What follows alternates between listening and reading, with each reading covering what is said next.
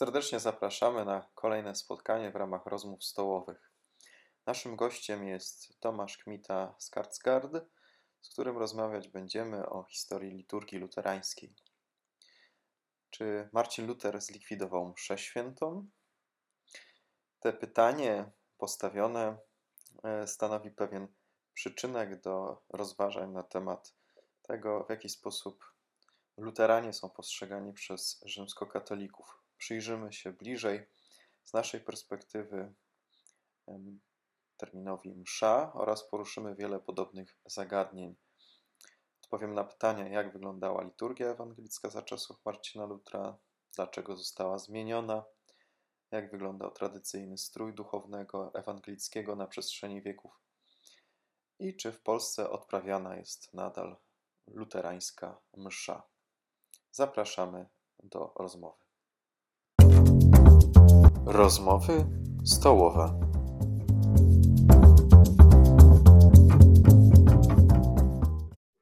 Witamy Państwa bardzo serdecznie na naszym dzisiejszym spotkaniu. E, cieszymy się, że są Państwo z nami. I dzisiaj będziemy rozmawiać o mszy. O mszy w rozumieniu luterańskim.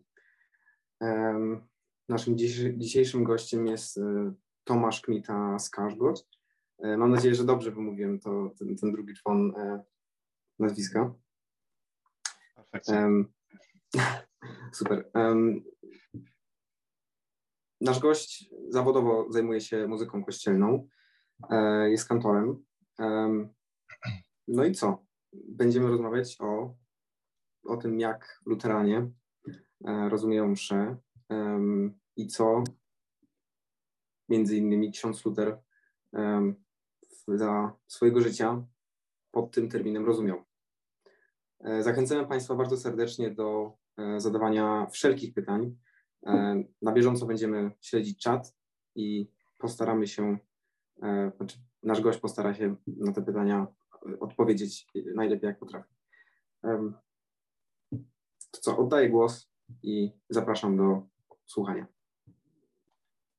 Dzień dobry. Drodzy Państwo, dziękuję za zaproszenie na to spotkanie. Dzisiaj chciałbym mówić o liturgii luterańskiej, e, współczesnej i historycznej, w ujęciu historycznym również, e, i na różne tematy około liturgiczne, bo tak też, e, takie też pytania zostały w treści dzisiejszego wydarzenia zawarte. Nie jestem autorem tych pytań, tym lepiej, bo one są zewnętrzne, więc są dla mnie ciekawe.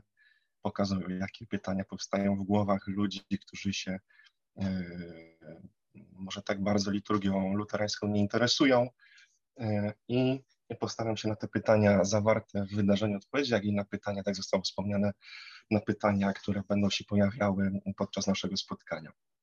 Na początku chciałbym e, zadać takie sam sobie pytanie i może ogółowi, dlaczego e, tutaj siedzi muzyk kościelny, a nie, a nie duchowny, teolog świecki lub właśnie duchowny.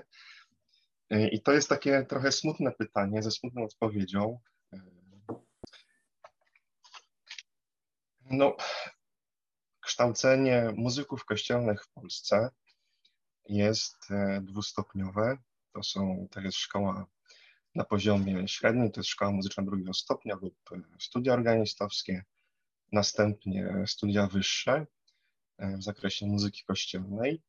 I mówię o tym dlatego, ponieważ oczywiście mm, w zakresie średniej szkoły to jest kształcenie czysto rzymskokatolickie. My niestety nie mamy żadnych szkół ewangelickich, które mogłyby muzyków kościelnych kształcić na poziomie szkół średnich, ale to nic nie szkodzi, bo to daje pewną e, bazę do później, późniejszego kształcenia, później, późniejszego rozwijania się w tym zakresie. Mówię o tym dlatego, ponieważ e, na każdym etapie tego kształcenia muzyk kościelny otrzymuje bardzo szerokie wykształcenie e, w zakresie liturgii. To jest bardzo dobre, to jest bardzo dobre, dla muzyka kościelnego, to jest bardzo dobre dla miejsca, w którym potem on pracuje. Na poziomie mm, szkół średnich mamy taki przedmiot jak liturgika i on trwa czasami 4 lata, czasami 3 lata, zależy od konkretnej szkoły. Natomiast na studiach, powiem szczerze, że dzisiaj przygotowując się do naszego spotkania, wyciągnąłem swoje suplementy ze studiów, bo sam byłem ciekawy, jakie miałem przedmioty i w jakim, w jakim wymiarze. Również miałem liturgikę przez, przez dwa lata. I to już nie była liturgika rzymskokatolicka, ale taka um, dotykająca w ogóle liturgii Kościoła, czy Kościołów zachodnich, Kościoła zachodniego ogólnie rzecz biorąc, może nie, nie rozbijajmy tego, Kościoła zachodniego. Miałem prawodawstwo liturgiczne, miałem śpiewy liturgiczne oczywiście, które się wiązały bezpośrednio z liturgią. I w tej, dlaczego powiedziałem, że pytanie jest smutne? Ponieważ taki muzyk kościelny wykształcony w szkole średniej na wyższych studiach w Polsce, swojej pracy w kościele ewangelickim, e, potem w kościele e, staje po przeciwległej stronie kościoła albo w innej, jeśli instrument jest gdzie indziej umieszczony, e, z osobą, która tego wykształcenia liturgicznego miała znacznie, znacznie mniej. Mam na myśli naszych duchownych. I to jest, i to jest ten aspekt taki smutny I powiem, powiem Państwu, że ja się z tym zderzałem, przepraszam, zderzałem się z tym od samego początku swojej pracy w kościele luterańskim. E, I to zderzenie miało takie dwa wymiary.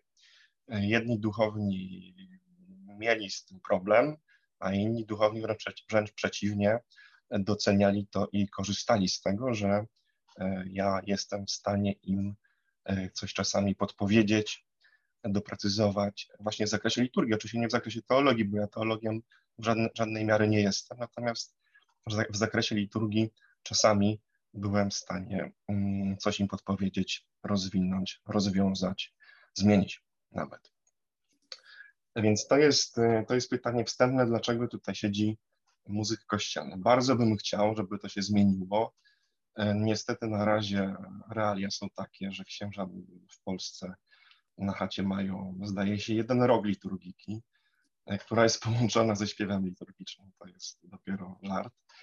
E, tak, bardzo ważne dwa przedmioty są skumulowane w jeden i trwają tak, tak krótko, więc to jest, to jest duży problem, który potem, który potem przynosi złe owoce.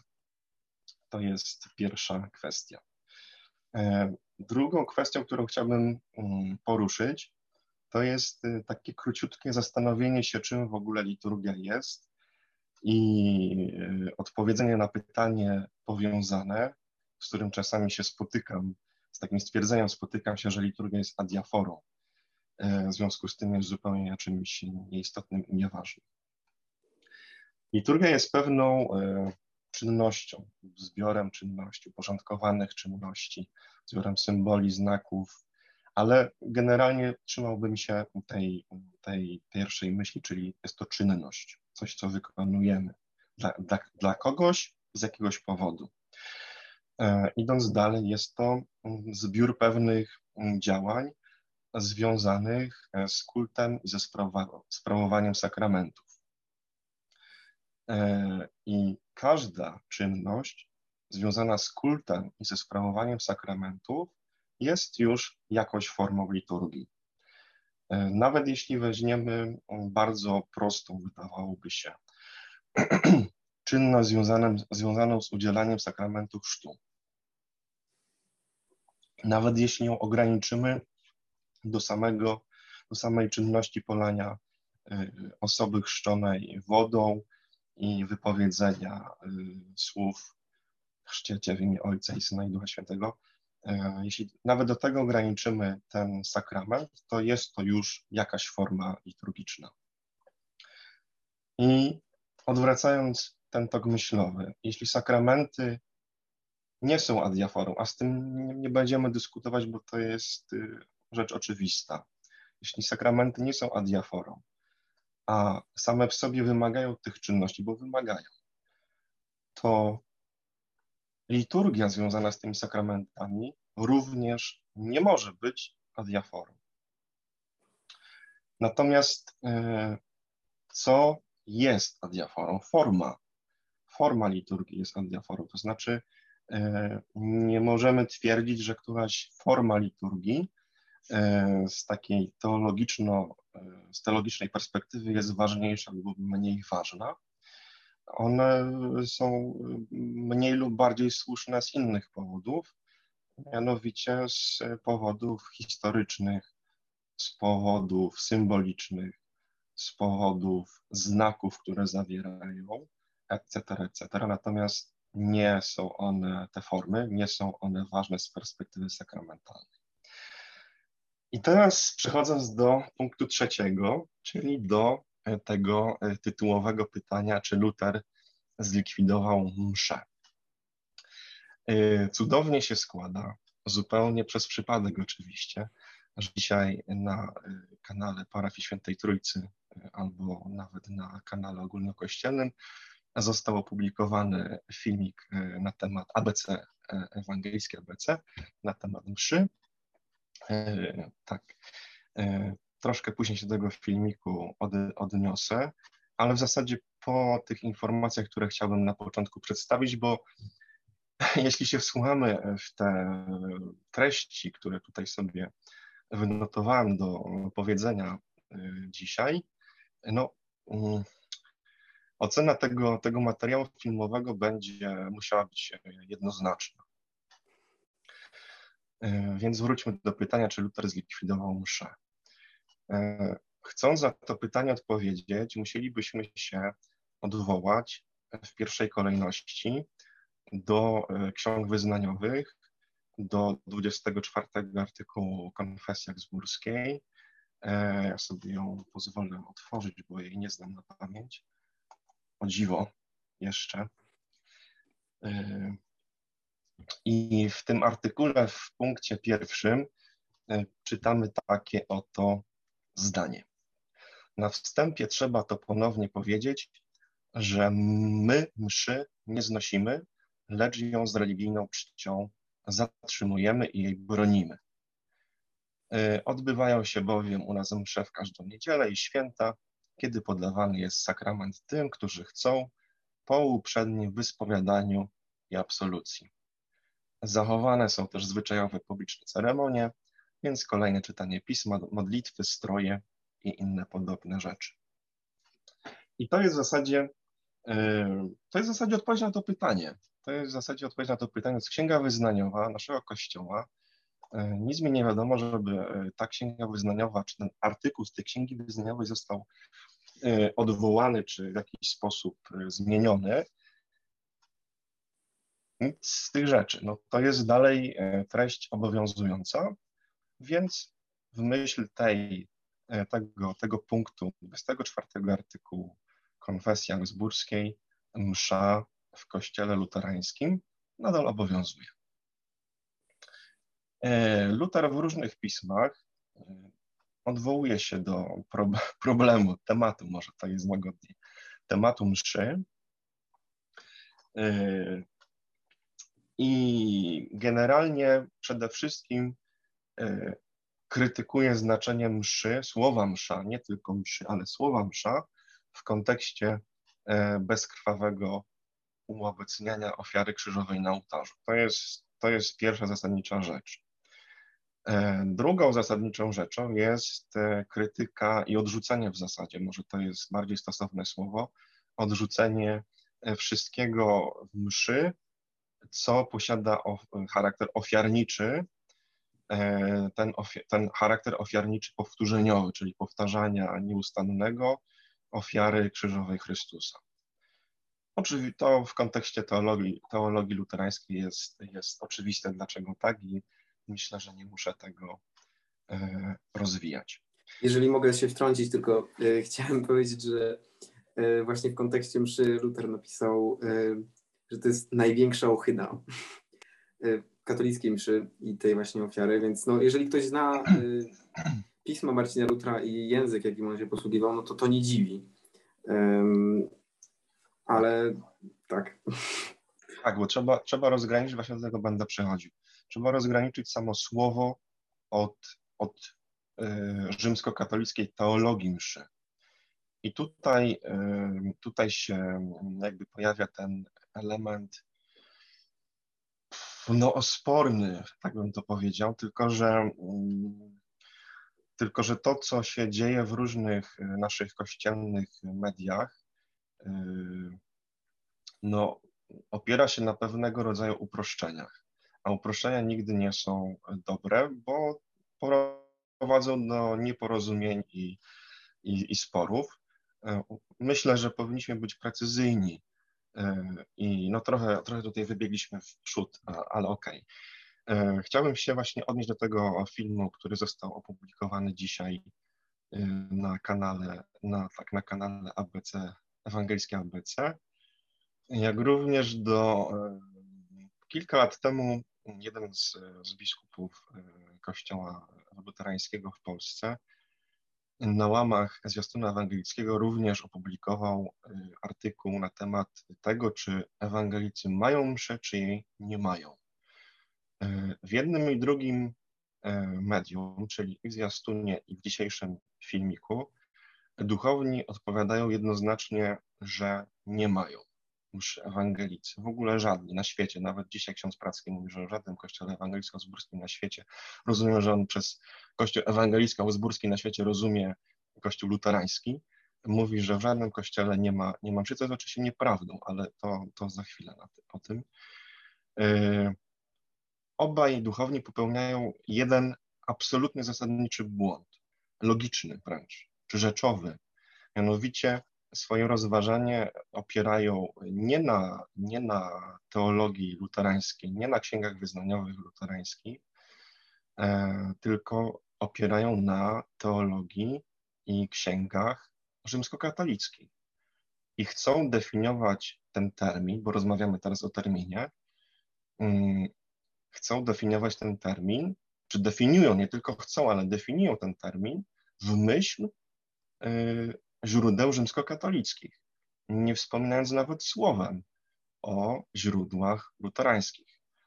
Moim zdaniem jest to głęboko nielogiczne i no, nie prowadzące do prawdy, tylko kultywuje to pewne stereotypy, yy, podsyca te stereotypy i w żaden sposób nie wyjaśnia tutaj tego problemu yy, w sposób rzeczowy.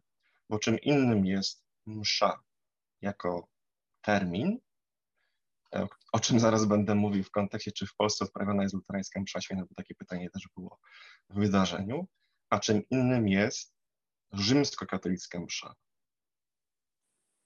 Po prostu e, pewne kręgi kościelne są tak strasznie uczulone, no, taką, użyję to słowo, obsesję na tym punkcie, że msza jest czymś rzymskokatolickim, podczas gdy nie jest ponieważ e, wbrew temu, co dzisiaj mówi ksiądz Pracki na YouTubie, wiele kościołów luterańskich na świecie do dzisiaj używa terminu msza bez żadnego problemu.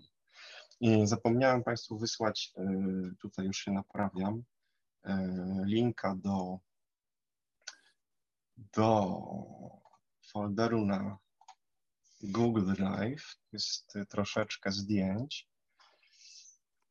Już go kopiuję i wysyłam.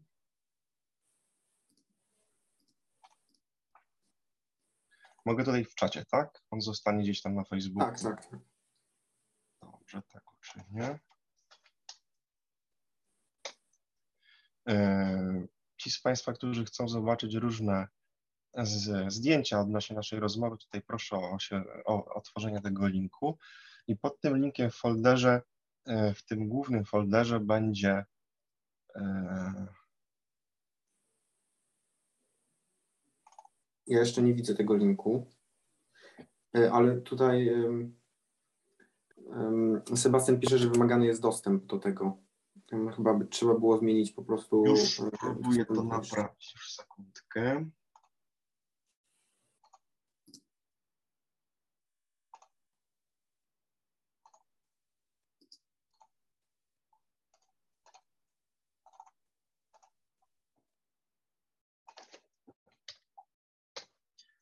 To proszę powiedzieć, czy teraz będzie lepiej.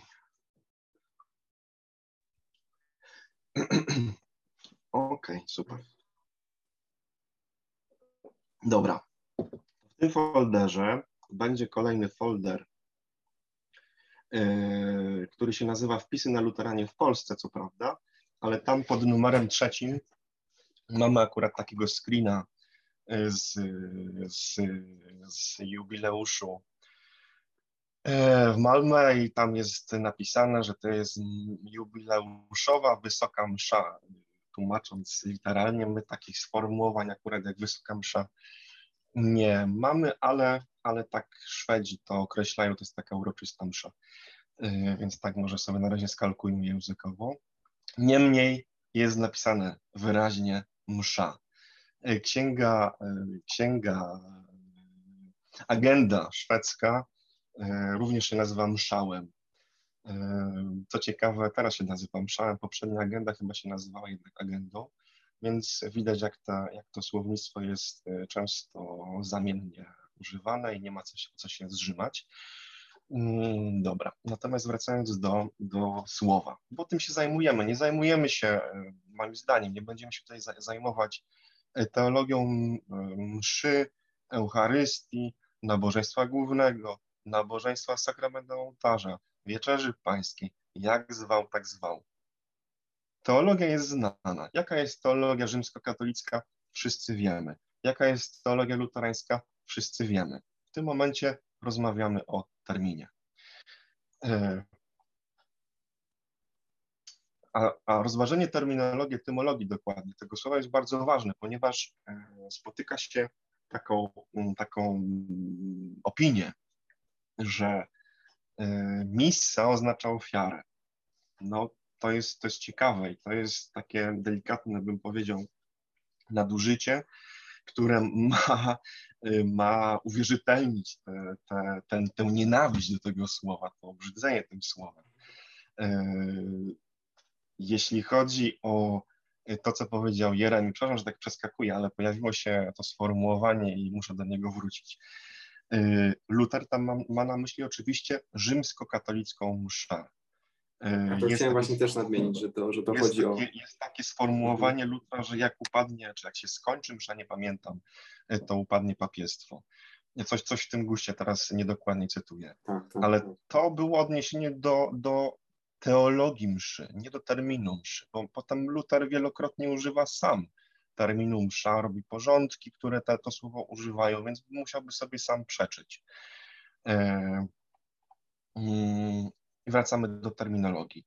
Y, ja językoznawcą nie jestem, więc otworzyłem sobie definicję, etymologię słowa msza i, y,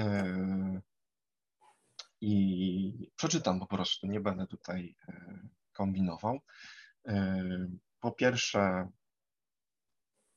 jest prawdopodobieństwo pochodzenia tego słowa od rzymskiego zwyczaju związanego ze zgromadzeniami, E, I to jest odniesienie do tego, do tych słów, które kończą e, rzymskokatolicką, raczej w luterańskich porządkach tego nie było.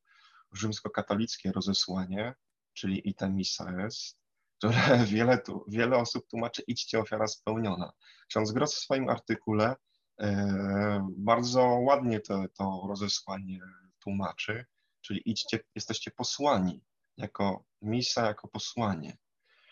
E, Misę jako drugie znaczenie modlitwy wysyłane ku Bogu, składanie Bogu ofiary. I proszę tutaj się nie martwić, że ofiary, bo ofiary mogą być różne. E, w teologii luterańskiej, tej wysokokościelnej, również mówimy o ofiarze mszy świętej, tylko że ofiarze dziękczynnej. O czym ksiądz Pracki dzisiaj w filmiku zapomina, albo po prostu nie chce o tym powiedzieć. E, i, jak, I trzecie znaczenie, specjalna czynność wykonywana przez osobę posłaną.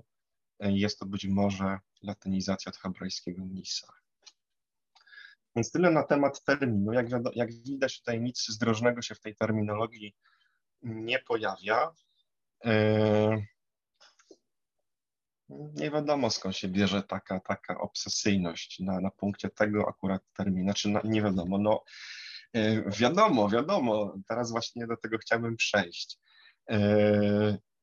I jaka jest, jaka jest recepcja tego terminu w społeczeństwie? Będę mówił o społeczeństwie polskim, bo w nim się e, znajdujemy, w nim przebywamy, żyjemy i w zasadzie to właśnie w tym społeczeństwie takie duże emocje w społeczeństwie luterańskiej w Polsce, takie duże emocje ten termin wzbudza.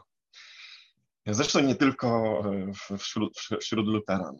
W zasadzie, jeśli gdzieś pojawia się w przestrzeni publicznej słowo msza w kontekście luterańskim, to możemy odnotowywać takie różne reakcje. I po pierwsze, e, możemy odnotować niezgodę na taką terminologię ze strony rzymskich katolików e, na używanie tego terminu. I to, i to jest, e, to wynika z tego, że no, po prostu ci katolicy, rzymscy katolicy uważają, że tylko ich definicja mszy jest możliwa, a przez to luteran niemożliwa do zastosowania. Oni w zasadzie popełniają ten sam błąd, który popełniają, popełnili i popełniają ci e, panowie, których wcześniej wymieniałem, to znaczy mm, przyjmują tylko jedną definicję za możliwą, tę rzymskokatolicką. Ale z perspektywy rzymskokatolickiej jest to w miarę zrozumiałe, bo rzym, rzymscy katolicy raczej powinni definiować e, te, tę terminologię zgodnie ze swoimi księgami, ze swoim nauczaniem, ze swoim magisterium. Także jest to w, w jakimś zakresie zrozumiałe. Niemniej chcę to odnotować, że spotykamy się z niezgodą na używanie mszy w kontekście luterańskim wśród rzymskich katolików. E, drugi, drugi, druga reakcja to jest niezgoda ewangelików na używanie tego terminu. No, wynika to moim zdaniem z niewiedzy, z niezrozumienia e, i no takiej e, dezinformacji, która jest niestety właśnie przez media kościelne również uprawiana. E, więc trudno się takiemu przeciętnemu człowiekowi, który się nie zagłębia w takie meandry, dziwić, że on już jest tak na, naładowany tą informacją, że ewangelicy nie mają mszy i koniec, że jak widzi taki zbitek e, msza luterańska albo msza u ewangelików, to mu się, e, mówiąc kolokwialnie, ciśnienie podnosi. Zresztą, e, gdy sobie Państwo otworzycie ten właśnie folder, który wcześniej linkowałem, wpisy na luteranie w Polsce, ja sobie dzisiaj sprint screenowałem, nie zasłaniając imion i nazwisk, bo to jest miejsce publiczne, gdzie Państwo to pisali. Zresztą tam nie ma nic, nie ma nic wstydliwego. Oni piszą to zupełnie szczerze, E, i w najlepszy, z najlepszą intencją. Natomiast, natomiast treści tych wiadomości pokazują właśnie to stanowisko, o którym w tym momencie mówię, czyli taką wielką niezgodę, zdziwienie, rozczarowanie czasami, że e, takie, taka terminologia się pojawia. Proszę sobie to przejrzeć e, w, zgodnie ze swoimi upodobaniami. E, te screeny są, e, zawierają również artykuły prasowe, do których te komentarze się odnoszą i tam widzimy e, msza święta w protestanckiej parafii świętego Mateusza na przykład, potem jest seria komentarzy, potem jest podczas mszy w kościele ewangelicko-augsburskim w Łęgutach i tak dalej, i tak dalej. Faktycznie faktycznie y, albo msza luterańska o godzinie 13 będzie transmitować, będzie transmitować mszę luterańską, będzie transmitować TVP3 i ktoś tutaj, pani Magdalena pisze to, udostępnia to pisząc cuda, cuda w środku pandemii. Y, tak, to są bardzo takie sympatyczne wpisy. I to jest w zasadzie trzecia refleksja, która pojawia się w kontekście tych, tych właśnie zbitek msza luterańska w przestrzeni publicznej, to znaczy to, przepraszam, to znaczy to, że faktycznie y, taka, takie sformułowania pojawiają się w mediach i warto byłoby się zastanowić, dlaczego. Po pierwsze, y, z całą pewnością jest to wynik pewnej niewiedzy, bo umówmy się, już abstrahując od tego wszystkiego, co powiedziałem, raczej w Polsce przywykliśmy do tego, by mówić jednak o nabożeństwie. Z, z mówieniem o mszy luterańskiej będziemy się spotykać e, niezmiernie rzadko, wtedy, kiedy to faktycznie będzie msza luterańska, czyli staroluterańska, kiedy to ja się czasami spotykam z tym wśród moich parafian na filiałach, kiedy oni są, kiedy oni w takiej totalnej diasporze żyją i są przyzwyczajeni do tej terminologii z, używanej przez swoich sąsiadów, skoro sąsiedzi mówią, że idą na mszę, to oni też mówią, że idą na mszę. I, i w zasadzie to są, to są te przypadki. E, albo jeszcze konwertyci, którzy nie, nie, są takimi obsesyjnymi neofitami, prawda, wszystko trzeba zmienić, wszystko co stare było złe. Czasami też się zdarza, że oni używają słowa msza. Natomiast przywykliśmy i tak, taki, taki standard, by mówić w Polsce o nabożeństwie, więc faktycznie może to wynikać z niewiedzy tych, którzy takie artykuły tworzą. Natomiast z drugiej strony e, warto przynajmniej podejrzewać, że czasami jest to forma pewnego uznania. Y, proszę zwrócić uwagę, że w, w pewnym momencie dziejowym zaczęto na kościoły y, luterańskie mówić zbory, zupełnie niepoprawnie. Zbór. To u Henryka Sienkiewicza czytamy o zborach.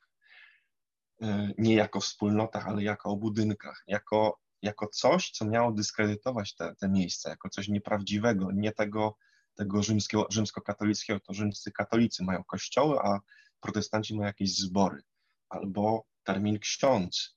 E, księdza mają rzymscy katolicy, a protestanci mają jakiegoś tam pastora. Hmm. Natomiast tutaj mamy do czynienia z używaniem tego samego terminu, e, co w kościele rzymskokatolickim, co w takiej wersji pozytywnej możemy odczytywać jako pewne, pewne właśnie, pewne jakieś uznanie, że to jest to samo, to jest coś prawdziwego. E, nie to samo w sensie doktrynalnym, bo wątpię, żeby dziennikarze e, rozważali te, te kwestie na takim poziomie, ale w sensie symbolicznym. To są takie trzy refleksje odnośnie e, pojawiania się terminu msza ewangelicka, msza luterańska czy msza u protestantów w mediach, w przestrzeni publicznej. Ale puentą, puentą tego rozdziału, naszego dzisiejszego spotkania musi być e, podsumowanie, że jest to kwestia zupełnie nieistotna, ponieważ jest to kwestia pewnego zwyczaju językowego. Przede wszystkim, e, jeszcze raz powtórzę, jak, jeśli ktoś pisze msza luterańska, msza ewangelicka nie rozkminia tego, czy tam jest ofiara, czy jej nie ma, etc., etc. To jest pewien, pewna figura, to jest nabożeństwo z komunią w kościele, wszyscy to mają, co mają komunię w kościele. Mm, no chyba, że bardzo nie chcą tego terminu używać. E, I refleksja naczelna to jest głównie uzależnione od uzusu językowego. Jeśli Państwo pojedziecie do Niemiec, to w kościele rzymskokatolickim rzadko się mówi o mszy. W, w języku niemieckim oczywiście.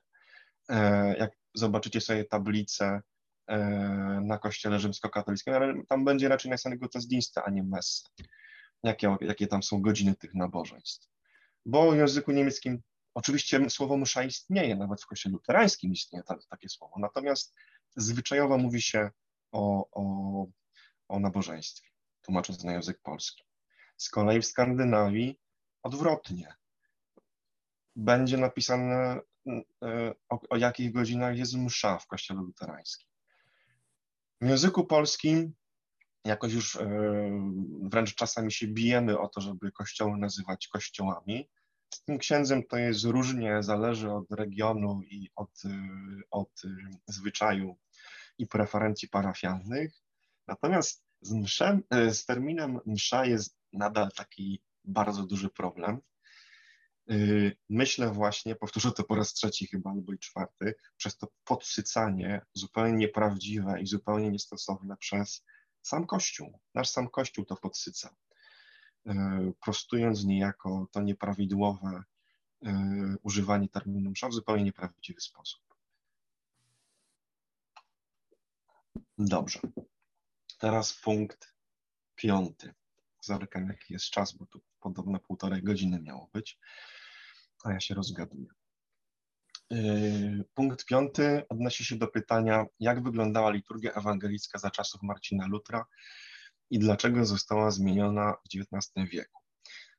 No, to, to jest bardzo ciekawe pytanie, dlatego że wcale nie została, to znaczy została zmieniona w XIX wieku, ale to tak nie działało, że jakaś liturgia była w czasach Marcina Lutra, a w XIX wieku ją zmieniono, wiadomo kto. Zaraz do tego dojdziemy.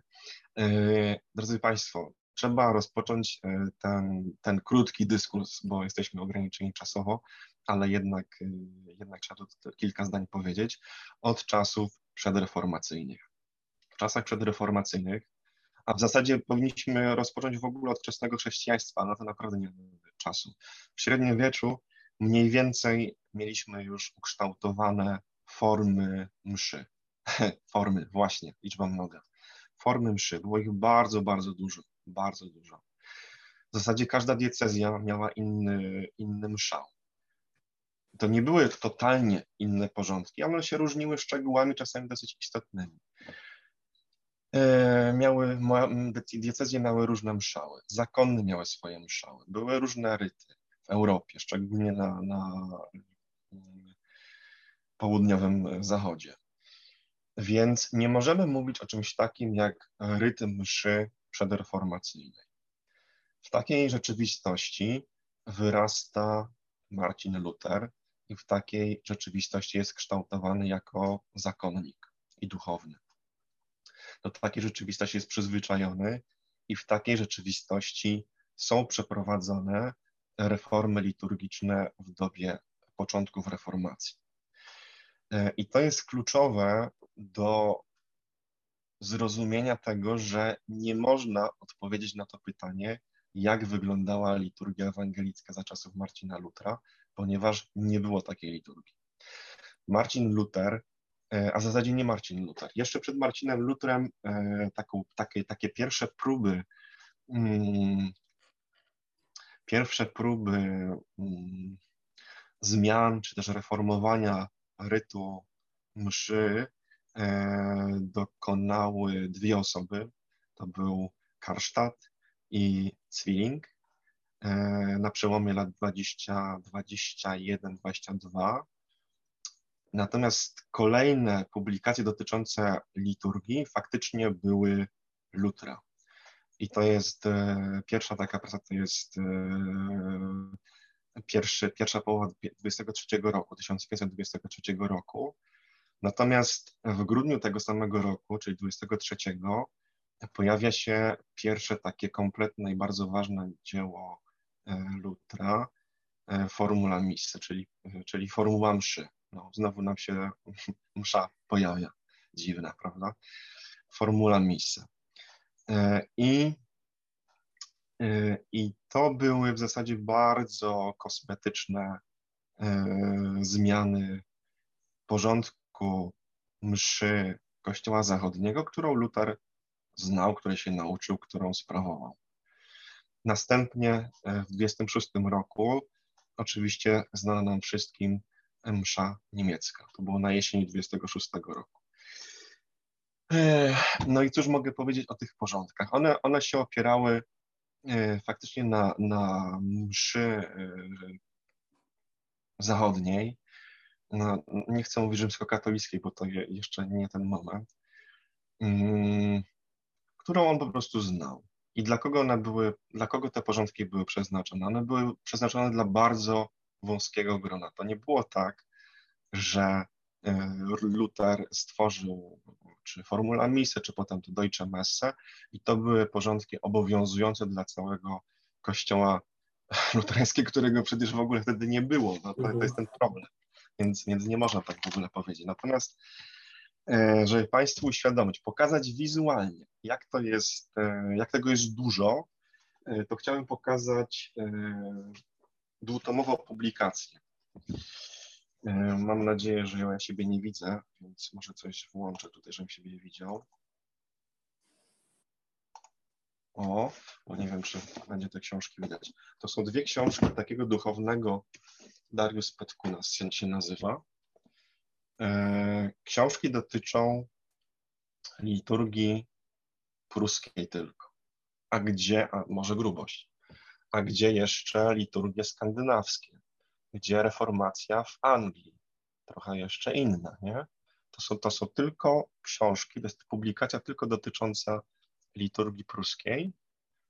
E, pierwszy tom to jest, to jest pierwszy tom, pierwszy tom to jest e, liturgie luterańskie w czasie reformacji i w erze ortodoksji, a drugi tom to są liturgie luterańskie od, e, od w, w czasie pietyzmu i oświecenia.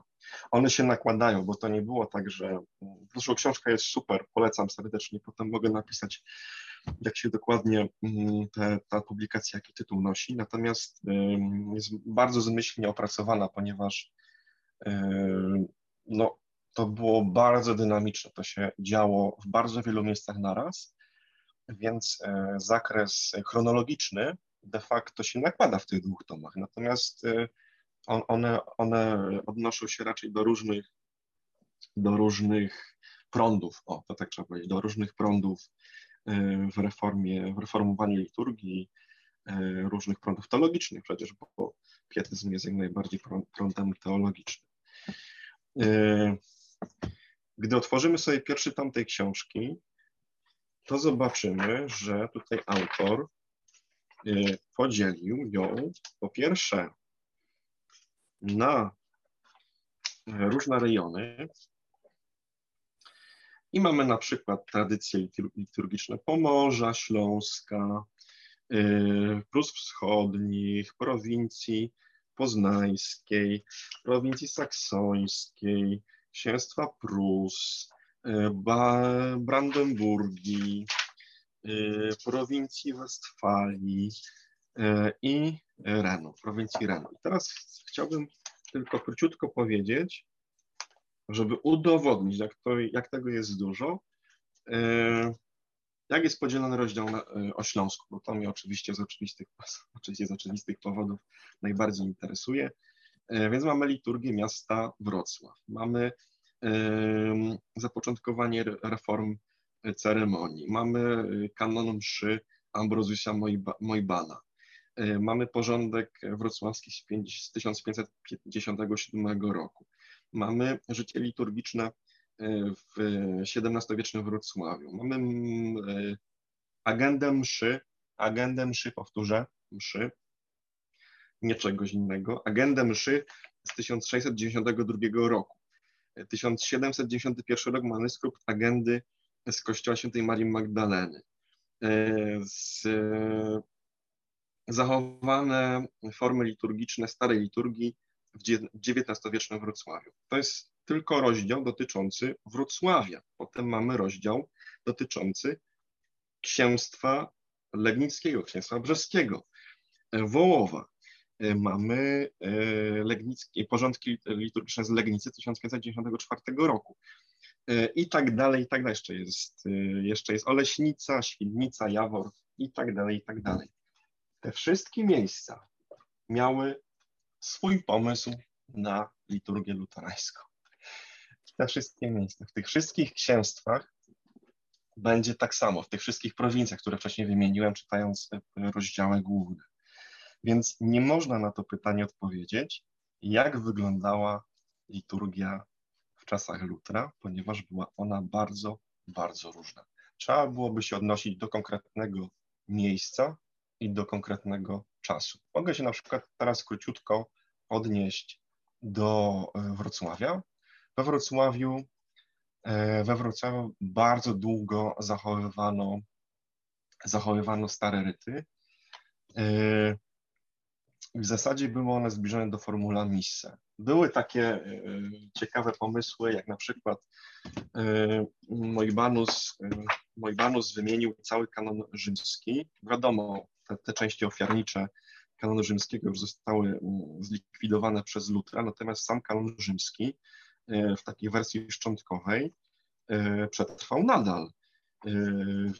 Przecież przetrwał, przetrwa epikleza, anamneza, nobis quoque, E, memento przetrwało, to wszystko zostało zostawione, natomiast, natomiast e, te części ofiarnicze zostały usunięte. Natomiast we Wrocławiu Moibanus stworzył swój kanon mszy, zupełnie nowy, strasznie długi.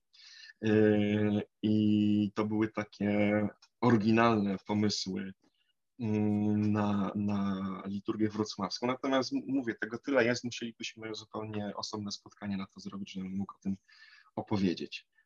Dla bardziej zainteresowanych osób właśnie odsyłam do tej publikacji księdza Petkunasa, bo, bo naprawdę warto to poczytać. Publikacja jest w języku angielskim, także jak ktoś nie lubi niemieckiego, tak jak ja, to może sobie spokojnie przeczytać w języku angielskim. E, dobrze. Mm, czy została zmieniona w XIX wieku? W XIX wieku liturgie luterańskie e, w okręgu pruskim, czy w tym kręgu kulturowym pruskim, nie tyle zostały zmienione, tylko wręcz zostały zlikwidowane, ja bym tak, tak powiedział. Dlatego, że, dlatego, że oczywiście mówimy o Unii Pruskiej, mówimy o reformach e, Fryderyka III. I ja nie wiem, czy możemy e, mówić wtedy o zmianie liturgii.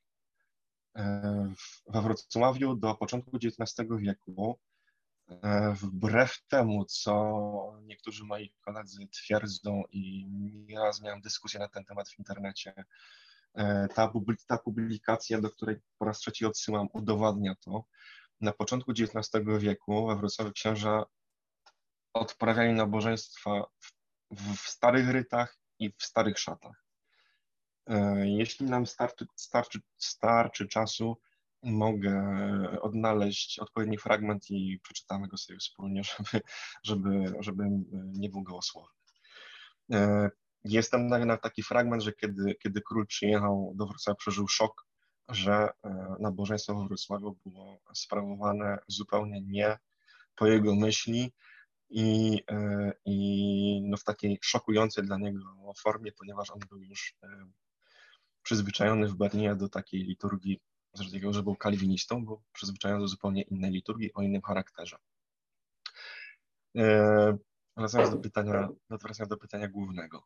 Więc liturgia ewangelicka, bo już nie luterańska, tylko unijna, została stworzona w zasadzie. Nie, nie, nie, nie zmieniano tej starej liturgii. Król stworzył nową liturgię, oczywiście nie w pełnym oderwaniu od tego, co, co było wcześniej, bo to tak się nie da, no te liturgie zawsze, te, te porządki zawsze z czegoś wynikają, zawsze wynikają z historii, zawsze wynikają z kontekstu historycznego, zawsze wynikają z tego, co było wcześniej.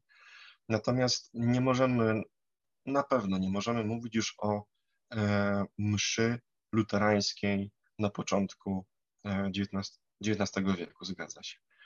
Mm, myślę, że nie będę tutaj e, omawiał, na czym. Jeżeli mógłbyś jeszcze powiedzieć o na przykład e, strojach liturgicznych, w sensie jak wprowadzono, e, bo to tak, tak, często tak. się. Stroje, może... stroje punkt, szósty. Już, już, do niego, już do niego przechodzę, już będę się streszczał.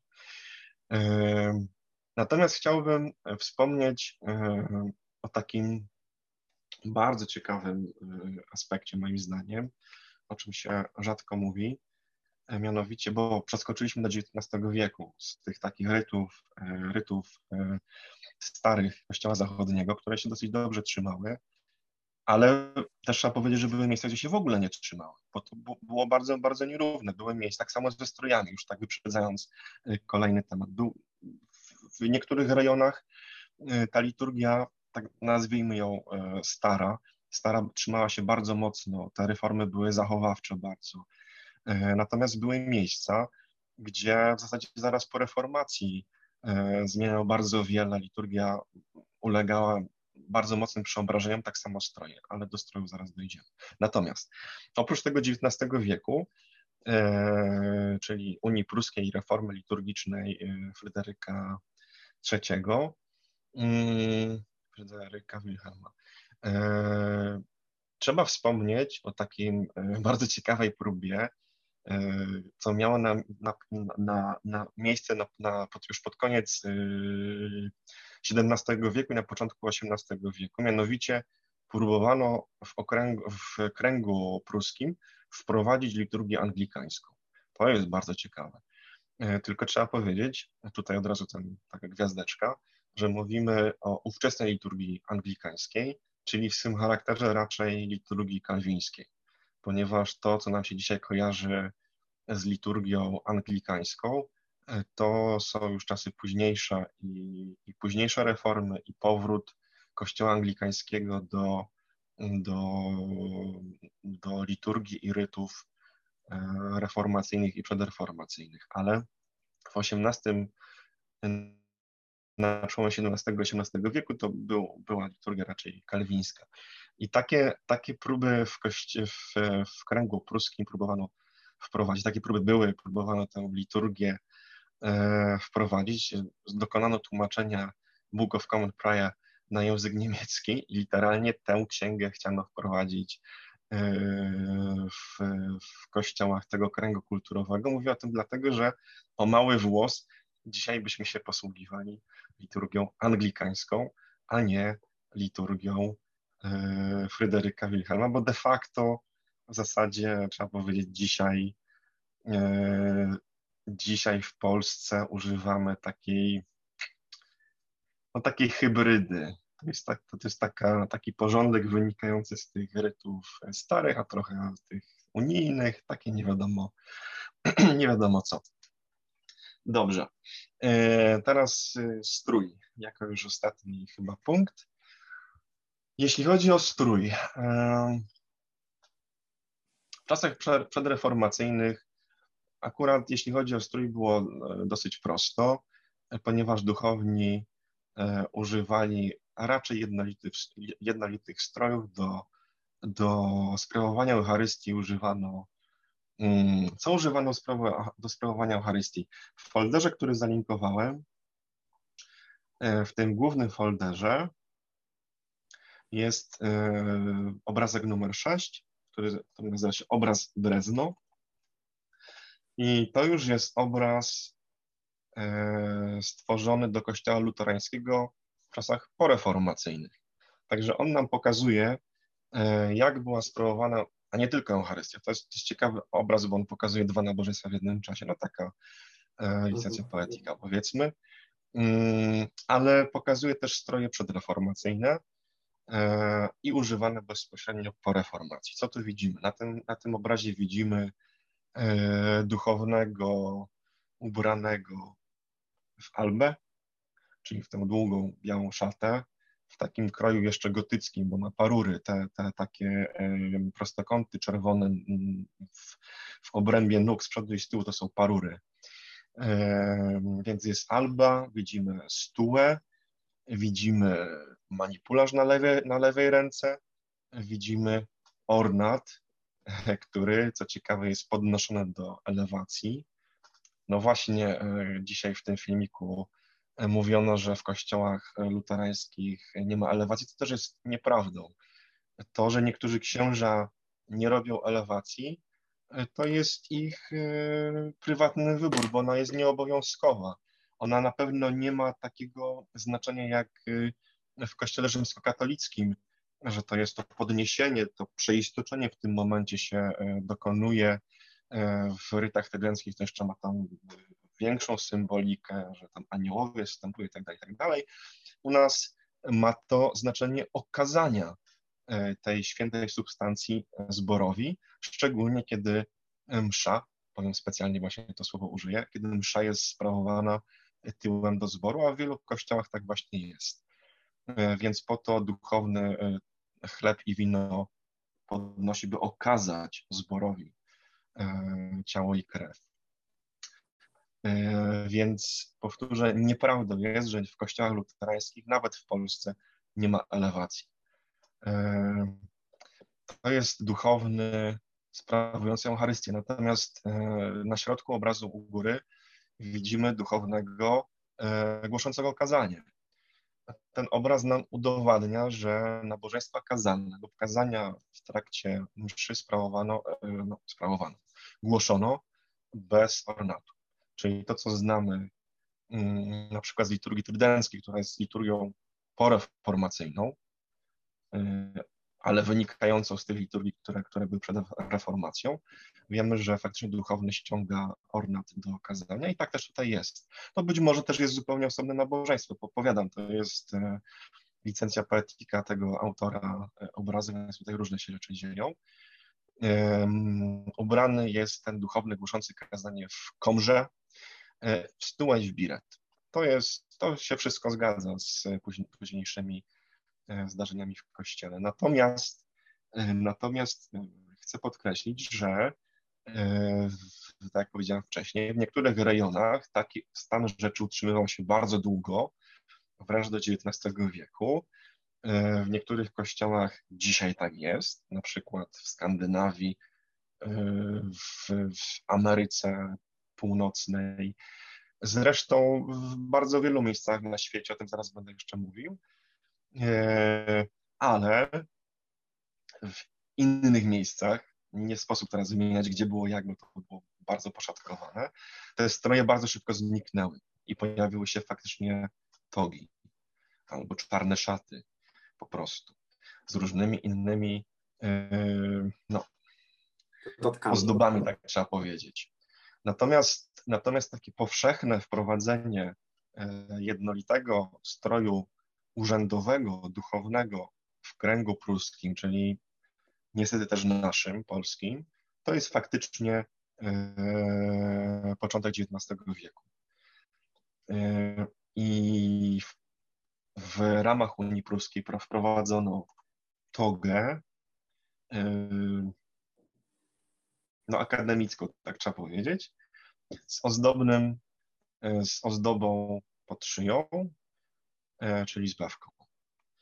Teraz, teraz zastanówmy się, czy to jest e, charakterystyczny strój duchownego ewangelickiego, bo często spotykam się z taką opinią, że to jest, e, że to jest takie no, logo ewangelicyzmu, że potem poznać, że to jest nasz ksiądz, to jest ksiądz ewangelicki, a nie tam żaden święty Mikołaj, jak to, no takie nawet sformułowania słyszę.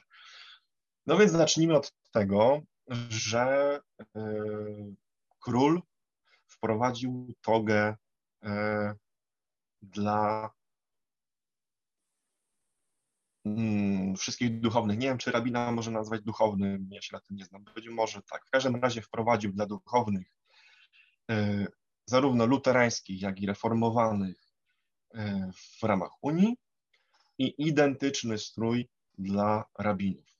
Na obrazku numer 7 w folderze widać tutaj wrocławskiego kantora e, Salvara Ceriniego w stroju e, właściwym do sprawowania liturgii w synagodze. No, widzimy, że gdyby nie miał tego, tego, tego pasa tutaj na, na ramionach, gdyby go ściągnął, no to moglibyśmy się pokusić no ten biret taki jeszcze jest podejrzany, ale, ale myślę, że w jakimś tam rejonie też taki biret by się znalazł duchownego ewangelickiego. Moglibyśmy uznać, że jest to e, ksiądz ewangelicki, ponieważ ma togę e, i bewki. No właśnie i bewkę. I no właśnie nie. E, z kolei na czwartym obrazku mamy procesję kanoników katedry wrocławskiej, którzy jak widzimy, pod, szyją, pod szyjami mają bewki, co prawda o innej kolorystyce. Yy, była to bardzo popularna kolorystyka befek. Również w Polsce yy, duchowni, a szczególnie biskupi, używali takich befek. jeśli sobie znajdziecie Państwo, yy, może ja znajdę. Ale na przykład Krasicki też. E, właśnie, właśnie, to właśnie jego obrazka szukam, dokładnie. To są znane, znane, znane portrety biskupa Krasickiego, który oczywiście ma pod szyją co? Bewkę.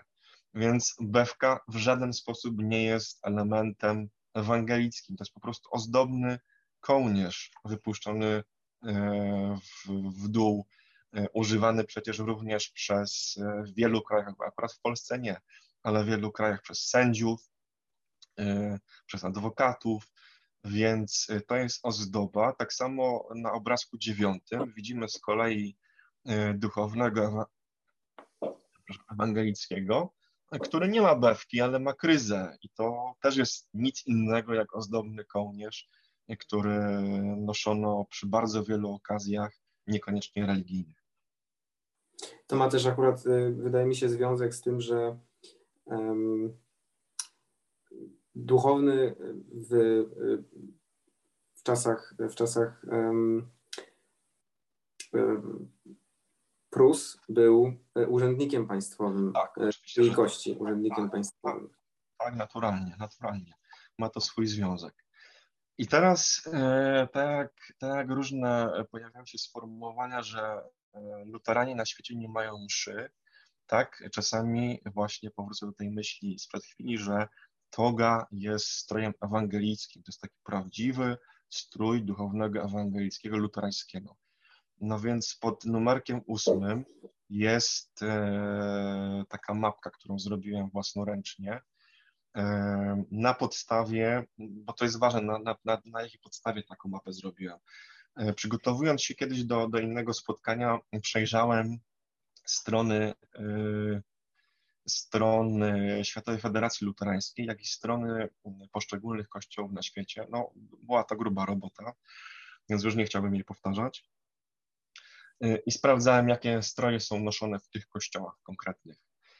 Nie udało mi się, do, od razu mówię, nie udało mi się dotrzeć do wszystkich kościołów luterańskich na świecie, więc czasami jest tak, że po prostu kontekstowo, jeśli w Afryce 80% wypełniłem na czerwono, to resztę też zakreślałem na czerwono.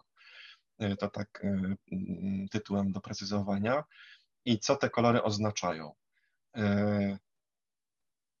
Na czarno, czyli macie Państwo Niemcy, Polska, Czechy, Austria, Szwajcaria, Słowacja, Węgry i, i tak zwany Benelux, mamy togę tu się nosi togę. Tutaj luteranie noszą togi przede wszystkim, dlatego że to nie jest tak, że tylko się nosi togę, bo zarówno w kościele w Polsce niektórzy księża noszą y, alby ze stułą, w Niemczech obserwuję, że to jest coraz bardziej popularne i w takich coraz bardzo eksponowanych miejscach, na przykład katedra berlińska, y, niezwykle często duchowni są ubrani w albę i stułę, jednocześnie w togę. Na innych, no to podejrzewam, że zależy od duchownego, może do kogo to nabożeństwo jest adresowane, nie wiem tego dokładnie, ale e, ob, obie formy stroju używają.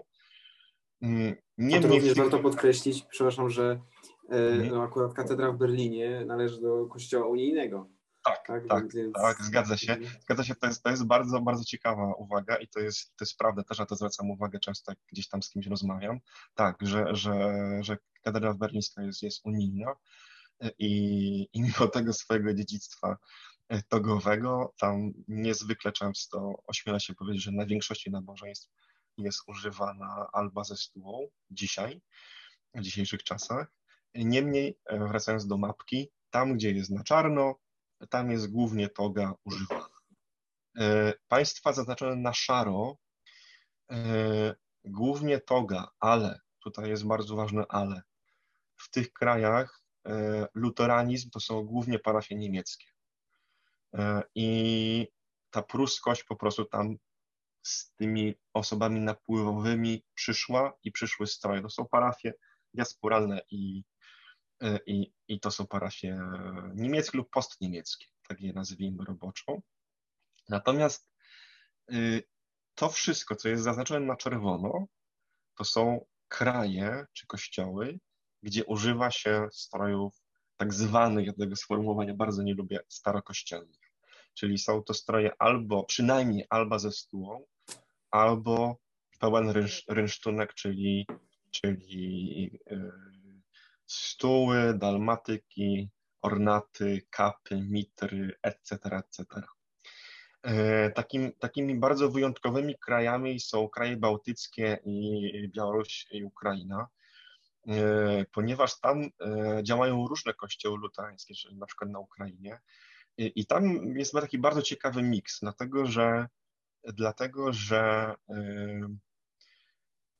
właśnie parafie niemieckie lub postniemieckie używają togi, Mm, w Ukrainie spotkałem się z używaniem strojów kościelnych, ale zachodnich, ale to jest super rzecz. Mnie to, ja to, mi się to bardzo podoba, że tak to właśnie działa, bo uważam, że tak właśnie powinno być. Niekiedy w kościołach, w parafiach luterańskich w Ukrainie używa się strojów wschodnich. E, I to jest świetne, ponieważ e, te stroje są naturalne dla ich kręgu kulturowego i nie ma żadnego powodu, by, e, by krąg kulturowy, który ukształtował się tej tradycji wschodniej, wschodniego chrześcijaństwa, nagle przyjmował stroje kościoła zachodniego. Tak, niemniej jest to taka ciekawostka i budzi to zawsze zaskoczenie, że ksiądz luterański jest E, ubrany jak ksiądz prawosławny, ale też są takie kościoły. Niestety nie, nie mam żadnego zdjęcia przygotowanego, e, więc nie pokażę. Musicie mi uwierzyć na słowo, że tak jest. E, to jest jedna rzecz, a chyba już końcowa. Mm, przygotowałem trzy zdjęcia aktualnego prezesa, prezydenta Światowej Federacji Luterańskiej i to są zdjęcia 1, 2, 3. No i możemy zobaczyć, jak on jest e, ubrany. E, I z racji tego, że jest to prezydent Światowej Federacji Luterańskiej, chyba nikt nie ma wątpliwości, że jest to duchowny luterański. A e, nosi szaty takie jak na zdjęciach. Wchodze go nigdy nie widziałem i raczej go nie zobaczę, ponieważ to jest strój jemu zupełnie obcy. Podobna sytuacja miała z poprzednim e, prezes, prezydentem Federacji Luterańskiej. Nawet chciałem tak, takie zestawienie przygotować prezydentów Federacji Luterańskiej od początku jej istnienia. Niestety wielu, wielu tych duchownych nie ma zdjęć, e, a części nie ma zdjęć w strojach liturgicznych, są po prostu zdjęcia w strojach e, takich no, urzędowych, świeckich prawie że, mm, więc nie udał mi się ten plan. Niemniej e, tutaj jest przykład e, aktualnego prezydenta Federacji Luterańskiej. I chyba to by było na tyle.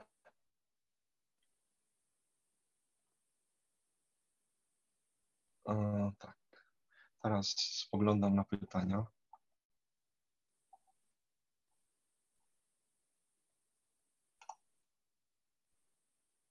Hmm, dobra.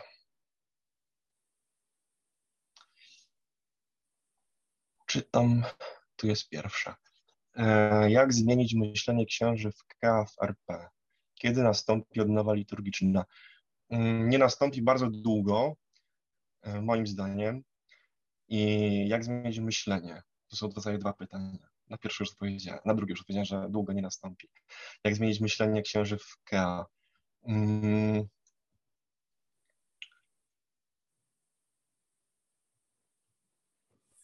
Myślę, że mm, sytuacja jest trochę beznadziejna, dlatego że mm, władze, władze Kościoła nie sprzyjają zmienieniu myślenia.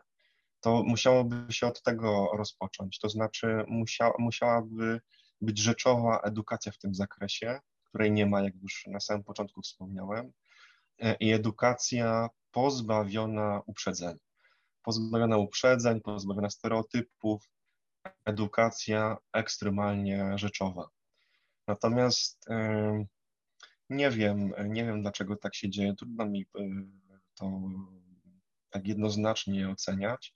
Natomiast jest faktycznie inaczej. No ta, ta, ta, to działanie Kościoła jest, jest zresztą czego absolutnie, absolutnym dowodem jest ten dzisiejszy filmik no jest e, konstruowane inaczej. Ono, ono kultywuje te, te stereotypy, te nieprawdy, te półprawdy, e, te czasami zmanipulowane fakty, no bo nie mogę inaczej nazwać to, że wypowiedź duchownego luterańskiego jest konstruowana na, na podstawie katechizmu Kościoła katolickiego. Tak właśnie było w przypadku artykułu tego jednego z biskupów polskich w zwiastunie ewangelickim, który cały swój wywód skonstruował na, na, na, na katechizmie Kościoła katolickiego, co no jest, jest, jest po prostu nielogiczne. nie, nie No właśnie, ja myślę, abstrahując od, od tego już y, tych wypowiedzi, że no jakby my jako Kościół w Polsce luterański znajdujemy się w dość trudnej sytuacji i no, szczególnie dlatego, że połowa e, luteran w Polsce żyje bardzo małym, w bardzo małym regionie. No i jednak ten luteranizm jest w Polsce e, przez ten, e, przez, przez cieszyński pietyzm zdominowany, jakby nie patrzeć. Jest to prawda, jest to prawda i to jest, myślę, że tych powodów i tych problemów jest, jest kilka, jeśli nie wiele. E, to jest prawda, że mm, no, jesteśmy wszyscy luteranie w Polsce, w innych, w innych rejonach, jesteśmy zdominowani e, pod względem liczebnościowym e, przez luteran z pewnego konkretnego regionu, który ma swoją konkretną historię, swój konkretny charakter, którego my, luteranie z innych regionów, w ogóle nie czujemy. Natomiast nasz Kościół ma taką tendencję do afirmowania akurat tego luteranizmu, no, nazwijmy go roboczo-cieszyńskiego. E, mm, taką idealną sytuacją byłoby to, gdyby e, luterański, luteranizm cieszyński istniał, bo bardzo dobrze, że istnieje, niech sobie istnieje i niech ma ten swój charakter e, i ten charakter jest bardzo cenny, ma swoje konstytuowanie w historii, natomiast żeby ten luteranizm cieszyński pozwolił istnieć również innym nurtom luteranizmu, które są absolutnie równe, równouprawnione w innych rejonach Polski, ponieważ powtórzę, my e, we Wrocławiu, w Warszawie e, czy gdziekolwiek indziej nie jesteśmy e, luteranami cieszyńskimi i nie będziemy, dlatego że na przykład mamy inny background kulturowy. Na przykład nie czujemy pewnych na przykład uwielbienia do różnych piosenek cieszyńskich. Na nas to nie robi wrażenia. Tam się ludzie rozpływają, rozrzewniają przy ojcowski dom, no ja niekoniecznie. E, a tam, a tam tak jest i bardzo dobrze, że jest, tylko proszę mi tego nie narzucać we Wrocławiu. To tylko o to chodzi. Natomiast niestety praktyka jest inna. Dobra, myślę, że mogę iść do kolejnego pytania. Hmm. E, Elżbieta Adamczyk. Niestety tej obsesji, o której Pan mówił, zawdzięczamy również brak liturgii Wigilii Paschalnej. E, Święty Krzysztof we Wrocławiu jest wyjątkiem. Szkoda, że nie macie transmisji. Bardzo piękna jest liturgia 21 roku. Troszkę to... Aha, dobra. Ważny element... Na tym ubolewam swoją drogą. E, czyli przede wszystkim podział. Niestety nie możemy tego przyjrzeć na żywo. Tak. To, to znaczy ja wierzę, ja wierzę, są pewne ruchy liturgiczne w naszym kościele. Yy, czy one się przebiją? Nie mam pojęcia. Bardzo bym sobie tego życzył. Kibicuję tym, yy, kibicuję tym yy, działaniom i pomogłem w tych działaniach jak tylko potrafiłem, wysyłając różne materiały księdzu Adamowi Malinie. Powiadam, są różne ruchy na rzecz dywersyfikacji porządków liturgicznych, co z, moim zdaniem powinno być czymś zupełnie normalnym. Moim, moją ideą, jeśli mam mówić o swoich osobistych tutaj przekonaniach, pozwolę sobie na to, e, moim, moim ideałem jest e, układ Kościoła Anglii, czyli mamy i wysoki kościół, i średni kościół, i szeroki kościół, ten najniższy, taki ewangelikalny. E, w moim przekonaniu w naszym kościele luterańskim tym bardziej tak powinno być, ponieważ jesteśmy bardzo małym kościołem i żeby zapewnić to, to, to, że w tym kościele naszym małym nikt się nie będzie czuł wykluczony, czyli nie będzie nas jeszcze bardziej ubywało, a być może będzie nas przybywało, powinien ten kościół być bardzo różny. To znaczy, że nabożeństwa w parafii w Malince są tak samo dobre, jak msze luterańskie, które kiedyś były w mojej parafii. Tylko, że one są do kogoś innego kierowane. I bardzo dobrze, że tam są. Dlatego ja bym sobie życzył, żeby tak samo jak e, zmierzaliśmy do tego, by e, msza luterańska została zatwierdzona przez, przez władze kościoła, tak samo niech zostanie zatwierdzony porządek czy formuła nabożeństwa z tej już takiej wręcz przysłowiowej parafii w Malince, bo powiadam, są to różne formy, które są skierowane do różnych ludzi. Z Wigilią Paschalną to nie jest tak do końca, że, że to prze, przez, przez tą obsesję.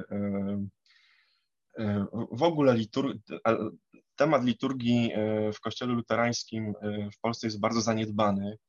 To pokazuje jakość naszych agent, która jest taka, no powiedziałbym, nie za wysoka. To ma, myślę, uwarunkowania raczej historyczne. Wiadomo, kości, Kościół się kształtował w bardzo trudnych warunkach, potem funkcjonował powolnie w również, w również bardzo trudnych warunkach. Były ważniejsze sprawy niż zajmowanie się liturgią, ważniejsze bitwy trzeba było wygrać niż, niż dyskutowanie, jak co ma być skonstruowane, jak ma być wydane. Wigilia Paschalna jest takim szczególnym tematem, dlatego że Wigilia Paschalna w ogóle za, w pewnym momencie dziejowym e, troszkę zaniknęła e, w, tutaj u nas na kontynencie i to nie tylko w kościele luterańskim, ale w kościele rzymskokatolickim również, e, ponieważ w kościele rzymskokatolickim stały się popularne, jak to się nazywało, rezurekcje, czyli nabożeństwo poradne. Ja powiem szczerze, że ja za swojego życia pamiętam tutaj we Wrocławiu, kiedy Wigilię Paschalną biskup, biskup Gołębiewski kiedy tutaj przy, przyszedł do Wrocławia, przywracał Wigilię Paschalną jako nabożeństwo obowiązkowe. Ono wcześniej było fakultatywnym nabożeństwem w, w parafiach. E, potem e, również swoim dekretem rugował e, rezurekcję, żeby nie powtarzać, nie, nie dublować tej, tej, tej, tego, tej, tej, cel, tej celebracji.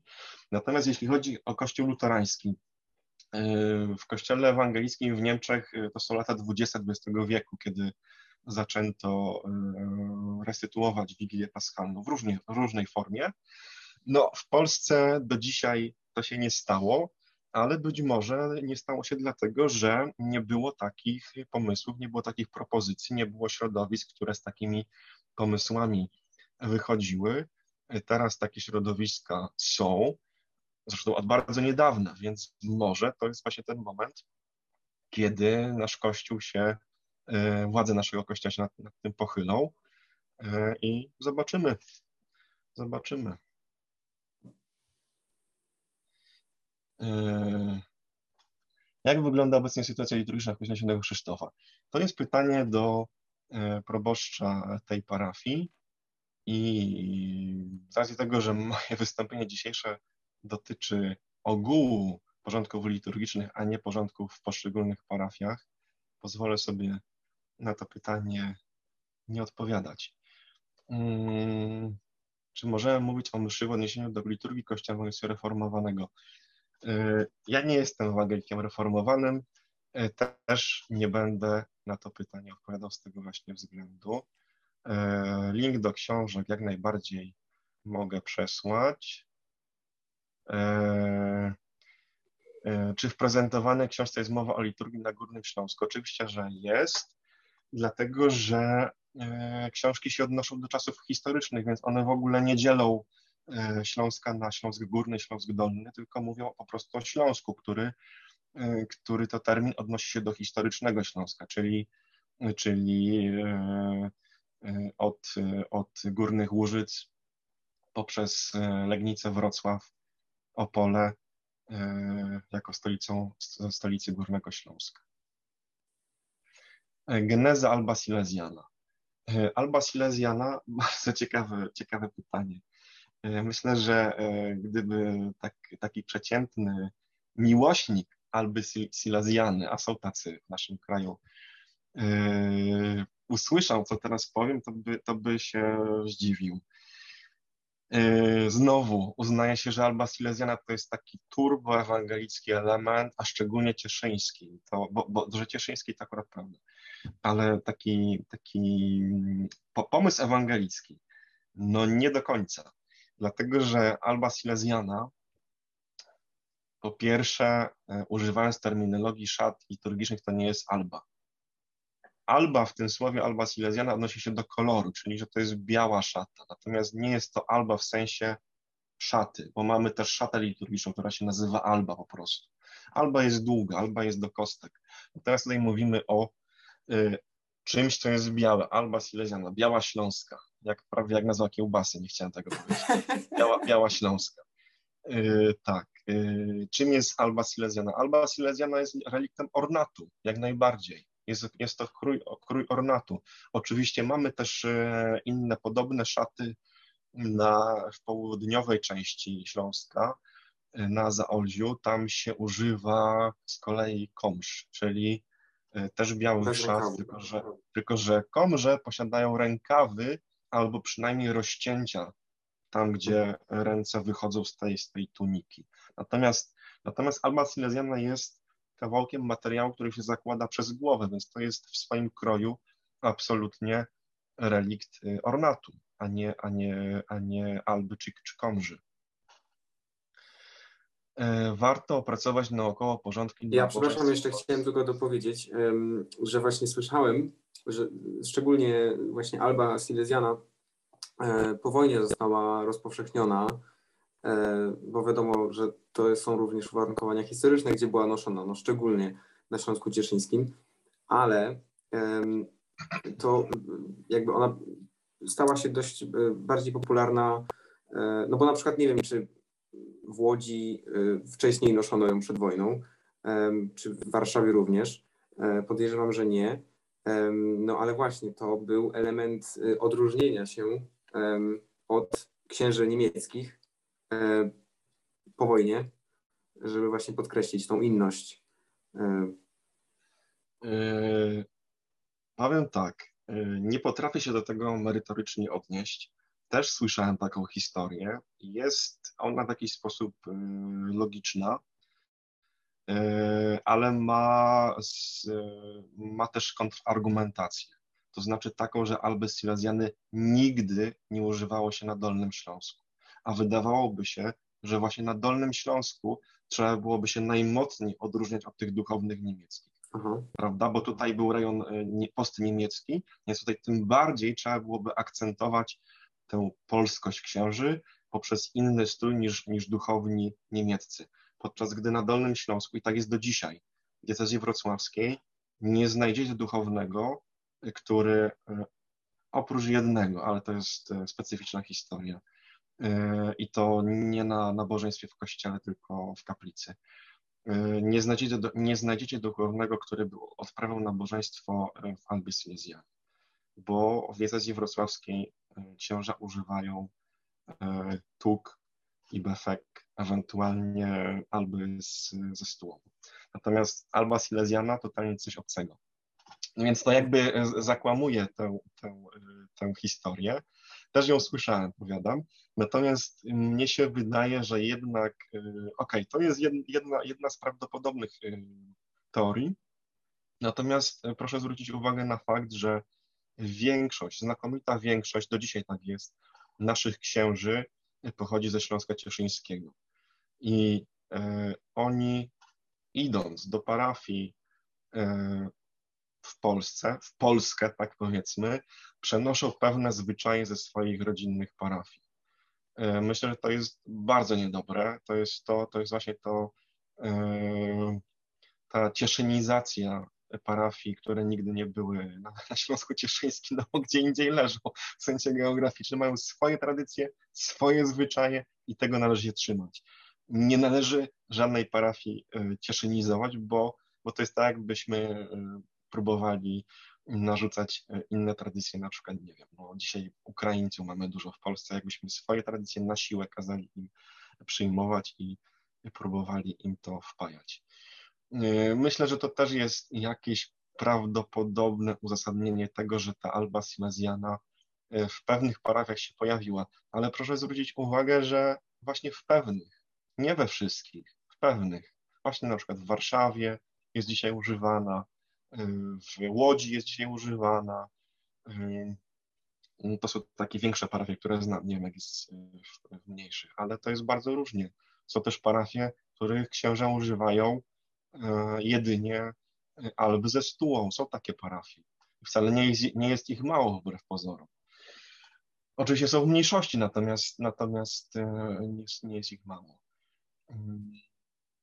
Jeśli chodzi o, opracowanie naukowe, to jest, y, to jest y, problem, który się łączy z moim wstępem.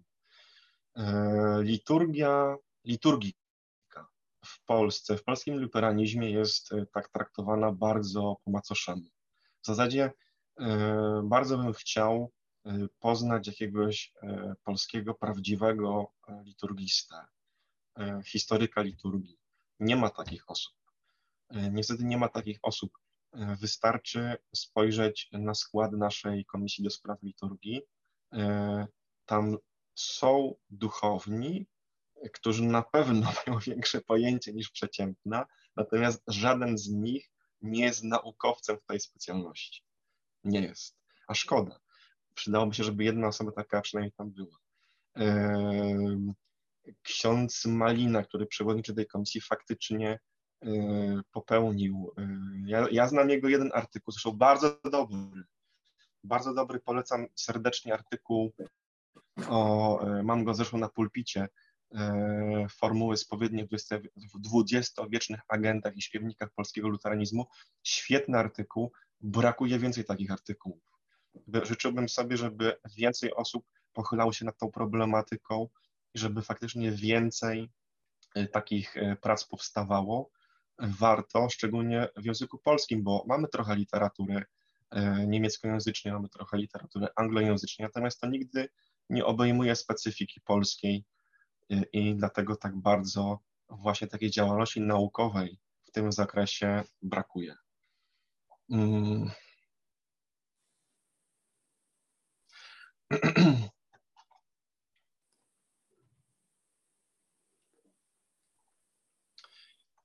I to jest chyba ostatnie pytanie albo stwierdzenie. Na Dolnym Śląsku nie, nie było prawie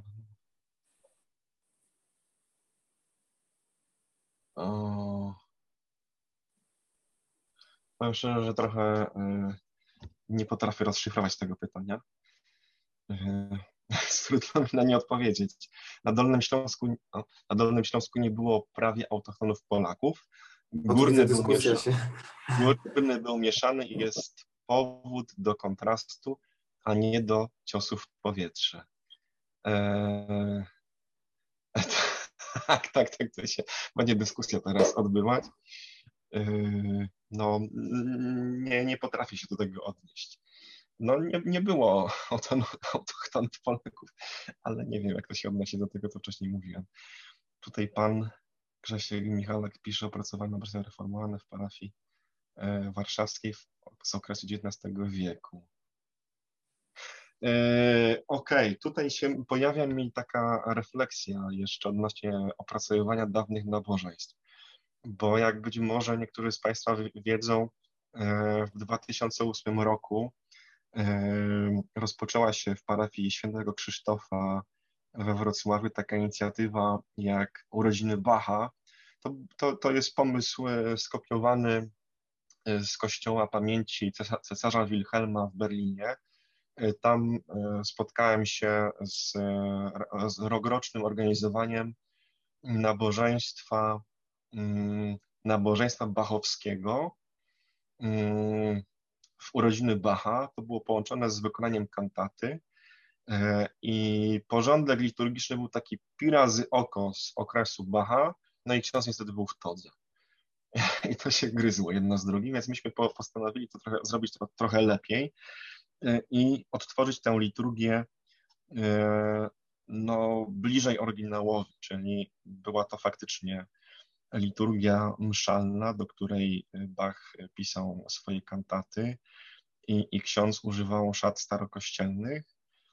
E, dlaczego ty mówię? Dlatego, że tutaj Pan wspomina, że, mm, że nie wszystkie źródła są dostępne i się nie zachowały. No i tutaj dochodzimy do takiego problemu, że gdy chcemy odnieść się do liturgii, e, do liturgii e, z czasów reformacji, do liturgii w liczbie mnogiej z czasów reformacji, to nie tylko spotykamy się z problemem, że jest ich cała mnogość, ale również z konkretnymi tekstami, ponieważ, ponieważ czasami dysponujemy tylko schematem nabożeństwa.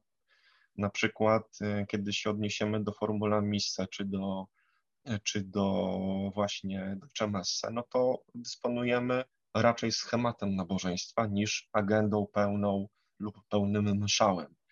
Jeśli dzisiaj rekonstruujemy takie nabożeństwa, takie liturgie, to trzeba zawsze odnosić się do kontekstu. Innej, innej drogi nie ma. Do kontekstu trzeba się zawsze odnieść i do referencji, które posiadamy. Coś jeszcze chciałem powiedzieć odnośnie tych starych liturgii. Hmm. Także, aha, kolejnym problemem jest to, jeszcze wracając do liturgii Lutra, stricte Lutra, jest to, że liturgia jest, to jest coś, co ewoluuje. To tylko, żeby ewolu, ewoluowało mądrze i w pewnych granicach. Liturgia nie za bardzo lubi rewolucji. Natomiast, natomiast jeśli, jeśli spojrzymy na liturgię, na porządki liturgiczne Lutra, to widzimy, że na przykład e, pewne jego pomysły nie wytrzymały próby czasu i nie mogły wytrzymać i nie zostały nigdzie przyjęte potem.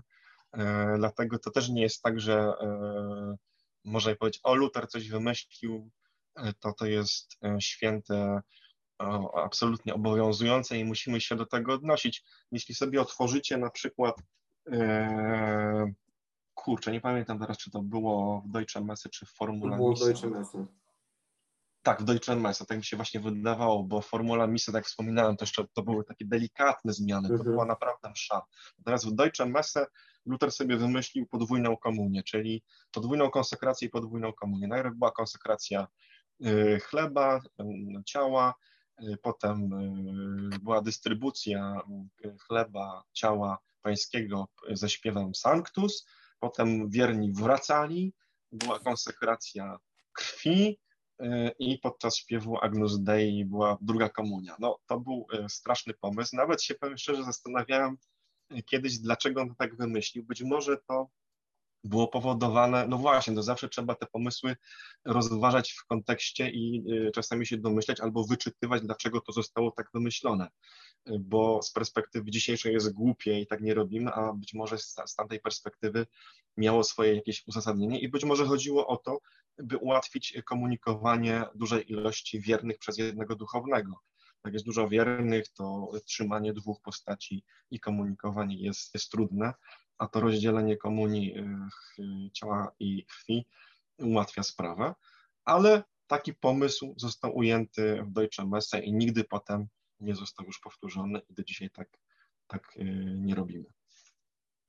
Co tu jeszcze jest? Y,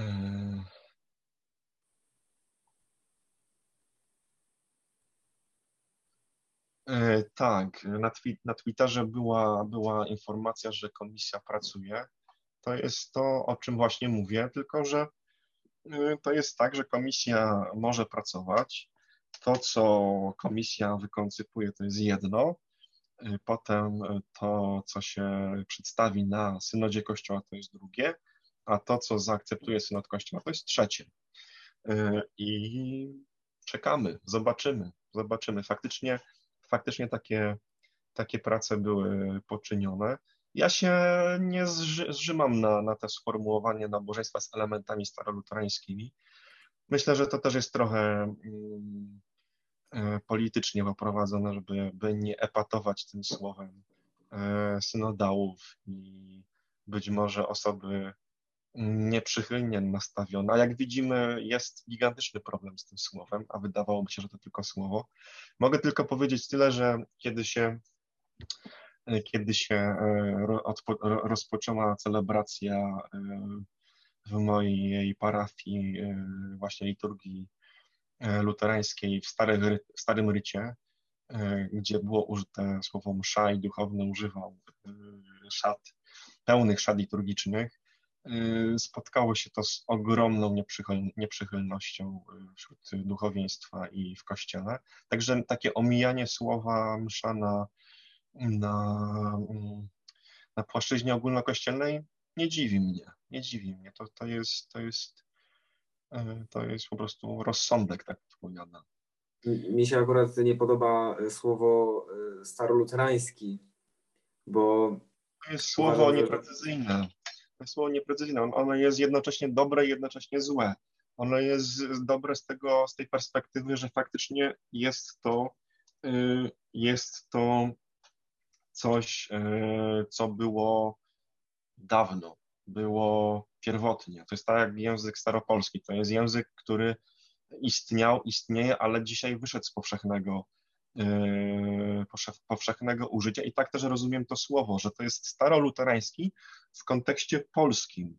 To jest coś, co było kiedyś, ale w, w, w, w kontekście naszego kręgu yy, eklezjalnego, tak muszę powiedzieć, bo nie kulturowego, bez przesady, w kontekście naszego kręgu eklezjalnego jest to coś staroluterańskiego. Natomiast słowo jest o tyle nieszczęśliwe, bo się kojarzy z kolei ze, z kościołem staroluterańskim, z którym zupełnie nie ma nic wspólnego. E, I, I może dlatego z, tego, z tej perspektywy faktycznie nie jest zbyt e, trafne. Chyba, że miałeś coś innego na myśli jeszcze. Znaczy, no generalnie, no, żeby było coś starego, to musi być coś nowego. A no jeżeli chodzi o Unię Staropuską, to, to nie było wprowadzenie jakiegoś nowego luteranizmu, tylko no, to było połączenie luteranizmu z kalwinizmem, co no luteranizmem już nie jest. Zgadza się, ale, ale dzisiejszy porządek nabożeństwa nie jest porządkiem unijnym. I to z całą mocą chcę podkreślić. Y, Oczywiście, porządek tak, tak. unijny mhm. w niektórych, niektórych parafiach ten porządek mniej lub bardziej przetrwał. Na przykład w mojej parafii y, ten porządek do dzisiaj przetrwał, ale dlatego, że y, moja parafia jest parafią y, dzisiaj niemiecką, y, polsko, polsko-niemiecką, natomiast jeszcze do niedawna była stricte parafią niemieckojęzyczną. I, i faktycznie ten była parafią niemieckojęzyczną nie tylko dla turystów, ale przede wszystkim przez dziesiątki lat dla autochtonów, którzy byli wychowani w tej liturgii. To była pełna ciągłość parafii parafia przedwojenna Marii Magdaleny, a od 58 roku parafia e, świętego Krzysztofa, więc ta liturgia nie została tam wprowadzona, tylko ona cały czas była sprawowana w zasadzie od, e, od wprowadzenia jej na początku XIX wieku, e, w takiej wersji niepełnej, ale to są już szczegóły i to myślę chyba dzisiaj nie będziemy tym się zajmować, bo, bo nie chcę Państwu zajmować bardzo dużo czasu. E, natomiast faktem jest, że, e, że niemiecka liturgia w mojej parafii to jest liturgia unijna, z tego właśnie powodu, o którym powiedziałem przed chwilą. Natomiast liturgia polska, współczesna, nie jest liturgią unijną. Jest takim, no, na pewno wyrosła na, na, na kanwie tej liturgii ale, ale, ale w swej strukturze takiej ogólnej trzeba powiedzieć, że się odwołuje do rytów y, tych, tych, tych znowu musiałbym być staroluterański, tych, tych y, postreformacyjnych, może to ujmę, o tak. Mhm. A przepraszam, ja dopytam, y, jeżeli w kościele świętego Krzysztofa jest sprawowana liturgia w języku niemieckim, tak, powiedziałeś liturgia unijna, E, to czy e, tam macie spowiedź, taką jak jest w Kościele Polskim, czy w ogóle jej nie ma? Jest spowiedź. E, jest spowiedź, tylko spowiedź jest po kazaniu. I to spowiedź po kazaniu to jest cecha charakterystyczna tej, tej liturgii. No to, to nie jest do końca unijna liturgia w takim razie, bo no na liturgiach unijnych, których byłem tutaj w Niemczech, to w ogóle nie ma, nie ma spowiedzi. E, e, to jest z całą pewnością liturgia unijna e, Kościoła Śląskiego Unijnego. No właśnie. Jeszcze, no może to należało dodać, może to należało dodać, bo, bo oczywiście przed wojną było tak samo jak dziś, czyli w Niemczech nie, nie było jednego kościoła ewangelickiego, były różne kościoły prowincjalne i w tym momencie, kiedy mówimy o liturgii w moim kościele, odnosimy się do e, Królewskiego Konsystorza we Wrocławiu, i Śląskiego Kościoła Unijnego. E, zaraz sięgnę po śpiewnik tego kościoła. E, ta liturgia była odprawiana, e, odprawiana w taki niepełny sposób po wojnie i niestety dzisiaj do tego powrócono. Bardzo mnie to niepokoi, ponieważ po wojnie duchowni polscy, nie mając agent tego kościoła, odprawiali tę liturgię w, według liturgii zawartej w śpiewniku właśnie. A w śpiewniku jest wersja taka, no powiedziałbym, okrojona. I przez wiele, wiele lat w, w naszym kościele y, taka liturgia właśnie mm, w takiej wersji y, niepełnej była sprawowana, natomiast y, natomiast wybrałem się już przy, przy, przy okazji przy, przygotowywania pewnej publikacji, a mianowicie takiego modlitewnika parafialnego, żeby to wszystko uporządkować już tak porządnie, y, wybrałem się do biblioteki, do biblioteki uniwersyteckiej, gdzie jest agenda po prostu pruska. Zresztą okazało się potem, że jest dostępna też cyfrowo, także gdyby ktoś chciał, to bardzo łatwo znaleźć. I ta liturgia została uzupełniona o, o te części, które, które e, śpiewnik nie posiadał. Więc z całą pewnością jest to liturgia unijna, ponieważ na, na y, stronie tytułowej tej agendy jest napisane, jest w ogóle dekret Fryderyka Wilhelma, jest napisane, że jest to kościół unijny, śląski kościół unijny y, i spowiedź tam jest, pokazanie. Ale w takiej bardzo krótkiej formie. Jest tylko jedno pytanie spowiednie, E, modlitwa spowiednia jest w zasadzie podobna do tej współczesnej polskiej, może nawet e, tożsama, ale, ale faktycznie jest modlitwa spowiednia, jedno pytanie, absolucja, szluz, nic więcej. Więc to jest bardzo mhm. krótka formuła e, i właśnie jest włączona, włączona po, do liturgii mszalnej, co jest bardzo nieluterańskie, dlatego że oryginalnie E, luteranie, e, taka, taka, taka forma, no nie chciałbym powiedzieć wzorcowa, bo tak sam, musiałbym sobie sam zaprzeczyć, bo wcześniej mówiłem, że to było bardzo różnie, ale taka, taka powszechna, taka staroluterańska, która potem oddziaływała na te inne liturgie, zresztą na, na liturgię polską też. I z tego, o czym zaraz powiem, właśnie bierze się te, ten, to nieszczęśliwe sformułowanie znaczy właśnie szczęśliwe sformułowanie nabożeństwo spowiednie komunijne, nieszczęśliwe jest nabożeństwo komunijne połączenie ze spowiedzią, to jest fatalne, tak, to jest głupota. Natomiast nabożeństwo spowiednie komunijne, ten termin ma swoją, swoją, swoje uzasadnienie, ponieważ pierwotnie były to dwa nabożeństwa. Było nabożeństwo spowiednie i osobno msza, y, ponieważ spowiedź uszna już nie była spowiedzią powszechną. Ona dalej istniała, ale nie była obowiązująca, nie była, nie była E, powszechnie e, sprawowana, natomiast zyskała moc e, spowiedź powszechna jako osobne nabożeństwo. Czasami ono się odbywało w ogóle w soboty, nie w niedzielę, bezpośrednio przed nabożeństwem, ale było wręcz osobnym nabożeństwem, skazaniem. Czego z kolei reliktem jest to nieszczęśliwe błogosławieństwo na koniec skazania, które do dzisiaj w liturgii polskiej mamy. To jest właśnie relikt tego, tego nabożeństwa, które się kończyło kazaniem ale o takich, e, takich śmieszkach, które są e, w liturgii polskiej, to moglibyśmy kiedy indziej porozmawiać o, o salutacji w złym miejscu i właśnie o tym błogosławieństwie i, i tak dalej. A to przepraszam, w takim razie nie było kazania Oczywiście, że było. Niedzielę? Oczywiście, że było. Oczywiście, że było. Kazania nigdy za wiele. No tak. tak, no proszę pamiętać, że w, w dobie e, reformacji kazania potrafiły trwać trzy godziny. Mhm. Więc to też e, był argument, żeby na takie trzygodzinne kazanie zrobić osobne nabożeństwo. E, więc wracając do, do meritum, trochę oddaliliśmy się. Mm, pierwotnie, pierwotnie spowiedź była osobnym nabożeństwem, stąd taką jednak luterańską, domyślną wersją jest to, że spowiedź się odbywa przed nabożeństwem głównym. Ale tak też, jest w, na, w, tak też jest, znaczy do, do, do, tej pory się zachowało domyślnie, nawet już zmienionej... Naszej, tak, domyślnie w naszej polskiej agendzie, agendy w domu nie mam, ale mam śpiewnik. Y, tak, też jest na y, początku, ale jest, chodzi mi o to, tak. że w domyśle, y, po, nawet po Soborze Watykańskim II, no, zachowała się w w mszach katolickich ta spowiedź, znaczy absolucja na początku nabożeństwa. Ona zawsze, ona zawsze była. Mhm. Zawsze była na początku. I powiem, I powiem więcej, że to jest taka cecha charakterystyczna, cecha charakterystyczna liturgii śląskiej, co niestety teraz zostało zlikwidowane, bo duchowny ma swoje pomysły na liturgię.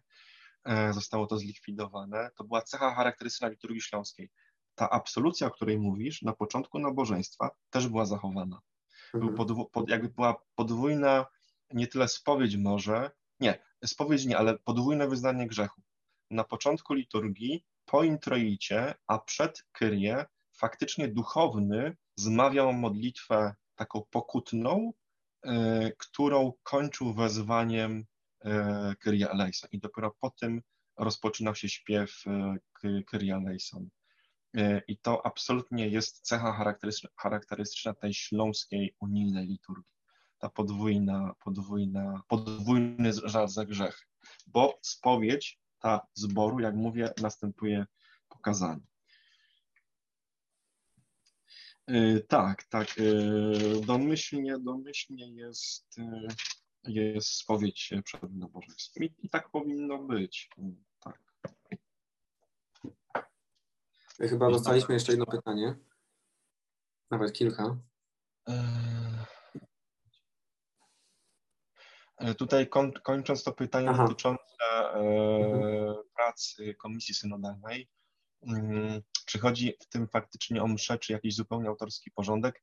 Nie mam pojęcia. To jest pytanie do Komisji Synodalnej.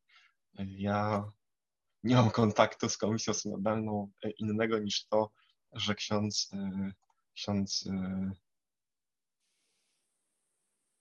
ksiądz Adam Malina mm, otrzymał ode mnie wszelkie możliwe opracowania, które ja dokonałem w przeszłości. Czy będą pomocne? Mam nadzieję, ale jaki porządek komisja synodalna? Wiem, wiem tylko tyle, że komisja synodalna, bo to z, z korespondencji z księdzem Adamem Maliną y, mogę powiedzieć, to nie jest żadna tajemnica. Y, Była tam wątpliwość, dlaczego my korzystaliśmy z najbardziej z formula Misse. No i wyjaśnienie, wyjaśnienie było bardzo proste, dlatego że, jak już wspomniałem dzisiaj, y, w Deutsche Messe pojawiały się pomysły, które nie wytrzymały próby czasu i które się wydają z dzisiejszej perspektywy absurdalne. Dlatego myśmy się odwoływali zawsze do tej liturgii jeszcze wcześniejszej, czyli formula Misse. Tu jest dyskusja pomiędzy panami, Słowianie, tak, 30 lat wojny, tak, tak, tak. Eee... Czy nie uważasz, że my jako luteranie jesteśmy odarci z tajemnicy? Przez te reformy unijne przestała mieć znaczenie tajemnica i mistycyzm w ewangelicyzmie. Na to pytanie bardzo trudno odpowiedzieć, dlatego że ewangelicyzm i luteranizm nigdy nie był homogeniczny. Tak samo jak liturgia, to się widzicie, to się cały czas łączy. No, że tak jak jest dzisiaj. Dzisiaj kościoły może są większe, bo są raczej kościołami krajowymi. W Niemczech dalej mamy kilka kościołów, ale i tak one są znacznie, znacznie większe niż w dobie reformacji. I jeszcze wcześniej nie w ogóle nie mogliśmy mówić o kościołach, o matko, wchodzimy w, te, w gigantyczny temat od kiedy możemy mówić o kościele luterańskim? Od kiedy mówimy o instytucjach kościoła luterańskiego? Kiedyś były księstwa, byli duchowni i koniec. Nie było czegoś takiego jak, jak kościół luterański gdzieś tam, prawda? Yy, przy okazji 500, 500 lat reformacji pisałem z kolegą taki artykuł o reformacji na Śląsku. On jest dostępny yy, w naszym kwartalniku parafialnym z 2017 roku, bodajże numer trzeci albo czwarty. E, polecam, bo to jest bardzo, bardzo mm, otwierające oczy. Mi to otworzyło oczy. Jak zaczęliśmy pisać o tej reformacji na Śląsku, się okazywało, że, e, że na przykład duchownych luterańskich we Wrocławiu mianował biskup rzymskokatolicki. Takie były sytuacje. Parafia, e, tak, parafia Marii Magdaleny już była dawno luterańska.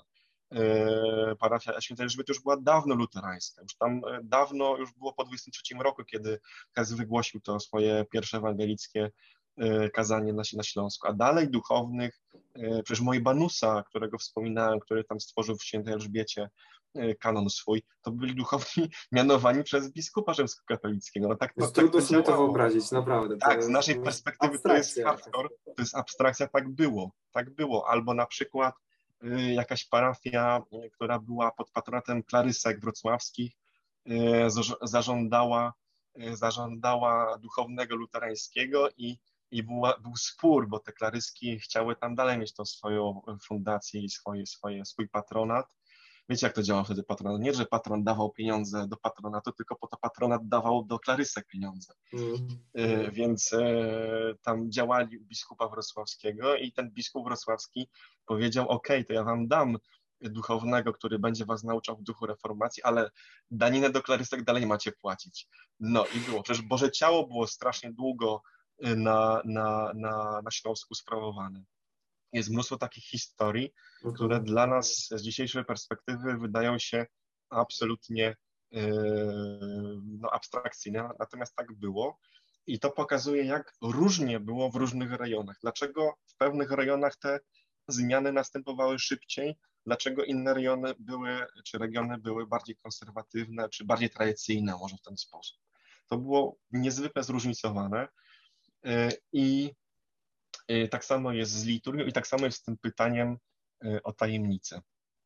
Na Śląsku były bardzo różne prądy, pietyzm też miał swój udział.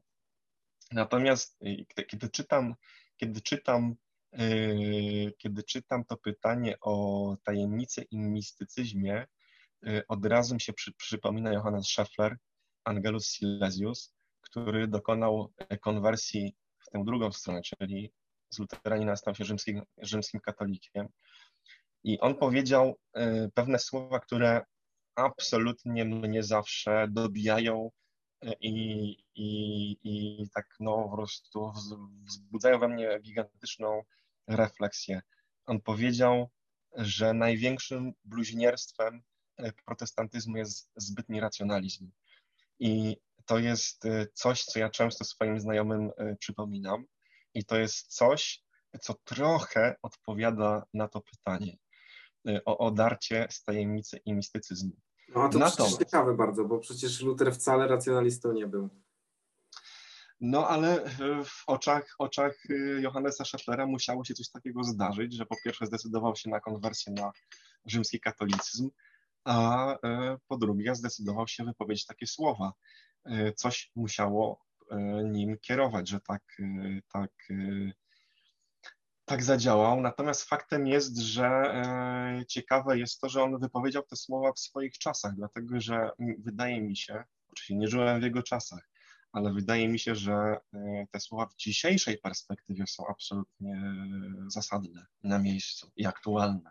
Tak, to jest coś, to jest coś, czego czego mi y, nie osobiście brakuje.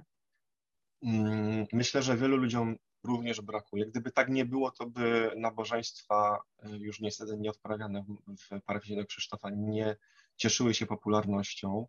Na Wigilię Paschalną nie przyjeżdżaliby do nas ludzie z innych regionów Polski. Myślę, że tego brakuje. Natomiast od razu chcę zastrzec, znowu nawiązując do swoich wcześniejszych słów, że ja rozumiem, że w kościele ewangelickim są osoby, które tego nie potrzebują i im odpowiadają nabożeństwa takie przeciętne, taka przeciętna Polska lub wręcz nabożeństwa pietystyczne lub wręcz nabożeństwa ewangelikalne w swym charakterze. Okej. Okay. Natomiast faktem jest, że w naszym kościele y, te te, te formy liturgiczne, które, które reprezentują te nurty właśnie takie przeciętne, to w tym słowie nie ma nic złego, żeby to bym dobrze zrozumiany. Te formy przeciętne lub właśnie pietystyczne, czy właśnie ewangelikalne są dobrze widziane, natomiast formy liturgiczne, które e, mm, nawiązują, tak do, tak, nawiązują do tej historycznej liturgii i one mają faktycznie ten element taki no, symbolu, znaku bardzo wyraźny. Nie chcę tutaj używać e, tajemnicy i mistycyzmu, bo to już są bardzo indywidualne odczucia i też trochę indywidualne definicje tych terminów, natomiast na pewno jest w takiej staroluterańskiej liturgii wiele znaków, które trzeba czytać, które trzeba umieć czytać. I to jest y, kolejny problem, który się nam pojawia, to znaczy, że ludzie współcześni zazwyczaj nie umieją tych znaków czytać, a nie umieją tych znaków czytać dlatego, że nie ma katechezy w tym zakresie, żeby przeciętny wierny, y, tak jest z każdą liturgią. Zresztą to ogólnopolską tak samo jest, żeby ją rozumieć, żeby ją dobrze zrozumieć, liturgię, nie treść, bo treści, które są przedstawione dosyć, to jest, to jest inna historia. Natomiast formę, treść samej liturgii, y, to trzeba y, być poddanym katechezie. I tak zawsze było, jest i tak będzie.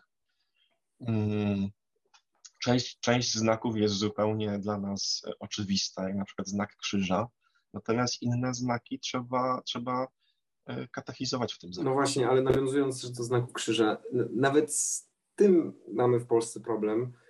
E, no to pokazuje absurd, to właśnie pokazuje ten absurd, że, e, że przez, przez wieki, przez wieki, no przesadzam, przez dziesięciolecia E, w Polsce po prostu Kościół ewangelicki, Kościół luterański e, budował swoją tożsamość na antytezie Kościoła rzymskokatolickiego. To znaczy, jeśli coś było rzymskokatolickie, to nie było luterańskie. Jeśli coś było rzymskokatolickie w kościele luterańskim, to należało to usunąć. Jeśli, jeśli katolicy coś robią, to my tego nie będziemy robić. Na, na to przykładów jest niezliczona ilość począwszy od tego znaku krzyża, o którym powiedzieliśmy przed chwilą, mhm. skończywszy na e, credo nicejsko-konstynicejskim. Konstantynopolitańskim. Dziękuję. Tak, tak, tak. Y, które, które w wielu parafiach e, chyba do dzisiaj jest uznawane za, za rzymskokatolickie. No to pokazuje ten absurd, mhm. ale pokazuje to też, o czym powiedziałem przed chwilą, czyli brak katechezy, brak tłumaczenia, brak, brak edukacji, bo to tylko o to chodzi. Mhm. Natomiast jeśli chodzi, wychodzi duchowny tutaj y, nam y, dzisiaj i, i potwierdza y, tylko te stereotypy i ten brak katechezy, tę niewiedzę i mówi, że jest po raz setny, ja po prostu już nie mogę tego słuchać, że ewangelicy nie mają mszy, na całym świecie nie mają mszy i tak dalej, tak. I znowu się odwołuje do doktryny rzymskokatolickiej, no to jak to czytać, jak tylko złą robotę? No ja myślę właśnie, że tu jest problem z nazewnictwem i, i o co właściwie chodzi w tej mszy, bo no, można mieć dwie różne rzeczy na myśli.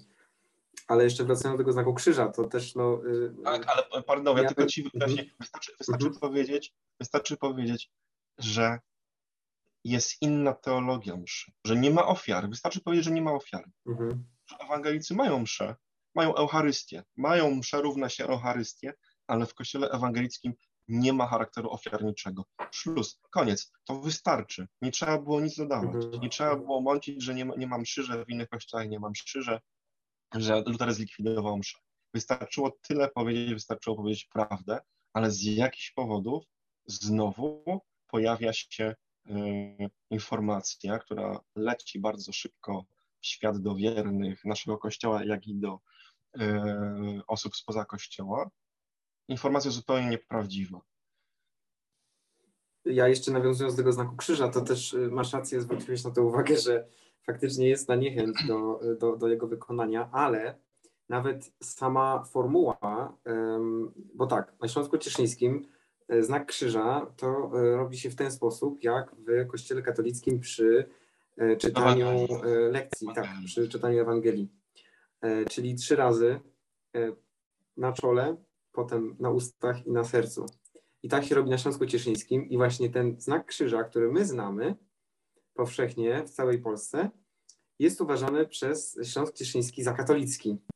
No a znowu, jakbym, jakby ktoś tak przy mnie zrobił, te właśnie y, trzy razy przeżegnał się w ten sposób, to ja bym powiedział, że to jest strasznie ultrakatolickie, prawda? No ale, no mówię, no to mamy z tym problem, no tak jak już powiedziałem wcześniej, no polski luteranizm jest zdominowany przez, przez, przez niestety, no, niestety, niestety, Śląsk Cieszyński. E, no i on wygląda w Polsce jak wygląda, no, że mamy tylko jakby jeden, jeden nurt. No i jeszcze tam. Powtórzę po raz, po raz no. kolejny: brak, mhm. brak edukacji, brak wiedzy. Brak edukacji, brak wiedzy, brak ciekawości świata, brak samokształcenia. Żyjemy w w czasach, w których naprawdę wystarczy e, kliknąć trzy razy w internecie i wie się znacznie, znacznie więcej niż się wiedziało do tego momentu. Wystarczy otworzyć nabożeństwa ze Szwecji, wystarczy otworzyć nabożeństwa e, z USA, wystarczy otworzyć nabożeństwa z Wielkiej Brytanii, nawet kościoła Anglii, przecież kościół Anglii też jest kościołem postreformacyjnym, jest kościołem protestanckim, nie jest kościołem katolickim, rzymskokatolickim, oczywiście jest kościołem katolickim, tak samo jak nasz kościół jest kościołem katolickim. To myślę, że to jest w ogóle mhm. szokujące. Jakby tak, też to jest szokujące. Ewangelikowi na Śląsku Cieszyńskim powiedzieć, że kościół ewangelicki w Polsce jest kościołem katolickim, tak. No ale to znowu jest brak e, zrozumienia mhm. pewnej terminologii i pewnego rozróżnienia właśnie od rzymskokatolicki od katolicki. E, powiem szczerze, że na o ile na całym świecie luteranie czynią znak krzyża w taki sposób, nazwijmy go normalny, czyli od, od czoła do piersi i ramiona, e, i czynią go nawet e, w takich, szczególnie w USA, to widzę, czynią znacznie częściej ten znak krzyża niż dzisiaj jest to przyjęte, bo dzisiaj generalnie go robimy w kościele rzymskokatolickim, myślę, że się nie pomylę. To jest na rozpoczęcie liturgii i na zakończenie przy błogosławieństwie. W kościele luterańskim e, tak samo. E, na pewno na rozpoczęciu nabożeństwa z błogosławieństwem, szczerze mówiąc, nie prowadziłem nigdy takiej obserwacji. W moim, w moim kościele e, większość ludzi czyni znak krzyża E, na polskich nabożeństwach, również przy, przy błogosławieństwie, łącznie ze mną zresztą. Natomiast jest taka stara tradycja i wiele kościołów luterańskich ją kultywuje, znak krzyża na Benedictus podczas śpiewu Sanctus, tak, to też jest e, mhm. ciekawe. E, jeśli chodzi o ten znak krzyża małymi krzyżykami, y, nie widziałem. Mogłem się po prostu nie spotkać. Może gdzieś tak jest zrobione, natomiast dla mnie to jest dla mnie to jest faktycznie jakiś pomysł cieszyński, który nie ma uzasadnienia, by przenosić na, na, inne, na inne rejony Polski. Rozumiem. E, rozmawiamy już dwie godziny, grubo ponad dwie godziny. To jest dwie, temat bez końca. Tak, temat bez końca, który można ciągnąć.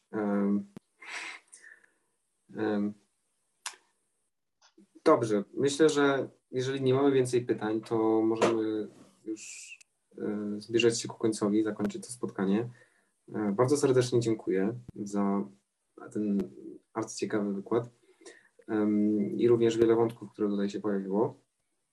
Dziękuję bardzo za zadawanie pytań, mm, za prowadzenie dyskusji na czacie i zapraszam do, do, do polubienia e, strony i obserwowania nas. E, w najbliższym czasie pojawią się też również inne e, spotkania na inne tematy. Dziękuję bardzo serdecznie również naszemu gościowi i za, za, to, za, za, przyjęcie zaproszenia i za, możliwość posłuchania. No bo mówię, no, nie, nie wszędzie możemy się spotkać z, znaczy może tak, no, trudno wyjść e, poza nasze zapatrywania i poza naszą perspektywę, chociaż i tak przez pandemię, może dzięki pandemii się to zmieniło, bo mamy możliwość do słuchania różnych innych, oglądania nabożeństw. No i myślę, że też część osób dowiedziała się o tym, że na przykład w parafii, w której Pan pracuje, odbywają się, czy odbywały się no, dość niespotykane w Polsce, może tak to ujmę. Taka forma liturgiczna. Tak, tak było, być może jeszcze tak kiedyś będzie, zobaczymy. Na pewno pandemia, e, czy sytuacja pandemiczna, może nie, nie, nie pandemii takich dobrych cech, ale sytuacja, która się zdarzyła i to, że nabożeństwa były online, czy też były nagrywane, na pewno pozwoliło nam zrobić Wigilię Paschalną. To, to jest prawda. Na pewno w Wigilii Paschalnej, bo to jest potężna, potężna liturgia, bardzo długa, e, na pewno byśmy nigdy nie, nie zrobili w ten sposób, w jaki ona została zrobiona w 2020, 20, tak, 20 mhm. roku. Natomiast jako puentę dzisiejszego spotkania, no, chciałbym wypowiedzieć takie życzenia, które w zasadzie kieruję do, do każdego i do siebie również. Byśmy sobie życzyli większej otwartości e, naszego kościoła, większego pluralizmu, mniej stereotypów, mniej uprzedzeń e, i jeszcze raz większej otwartości. Większej otwartości na, na inność, może tak to. E, tak, bo na razie jest bardzo, bardzo z tym ciężko, bardzo. I naprawdę każdy, kto wypowiada tak niepopularne kwestie, jakie dzisiaj tutaj e, niekiedy padały, e, albo parafie, które podejmują takie niepopularne działania, natychmiast się spotykają z atakiem. Nie, nie, właśnie to jest kluczowe, nie z dyskusją, nie z kontrargumentami, nie, nie z wypowiedzeniem jakichś własnych przekonań, tylko z atakiem. I to świadczy o tym, że to jest bardzo, bardzo złe w naszym kościele, że tak się reaguje na, takie, y, na taką tematykę i na takie próbowanie y, wprowadzenia czegoś innego, niż jest to y, ogólnie przyjęte, ale jednocześnie ma swoje pełne uzasadnienie historyczne, jak i liturgiczne, jak i teologiczne. Więc więcej otwartości. Mhm. Dobrze, to e, dziękuję za te słowa. Bardzo e, dziękuję. I dziękuję Państwu za dzisiejszy wieczór. Do zobaczenia. Dobranoc.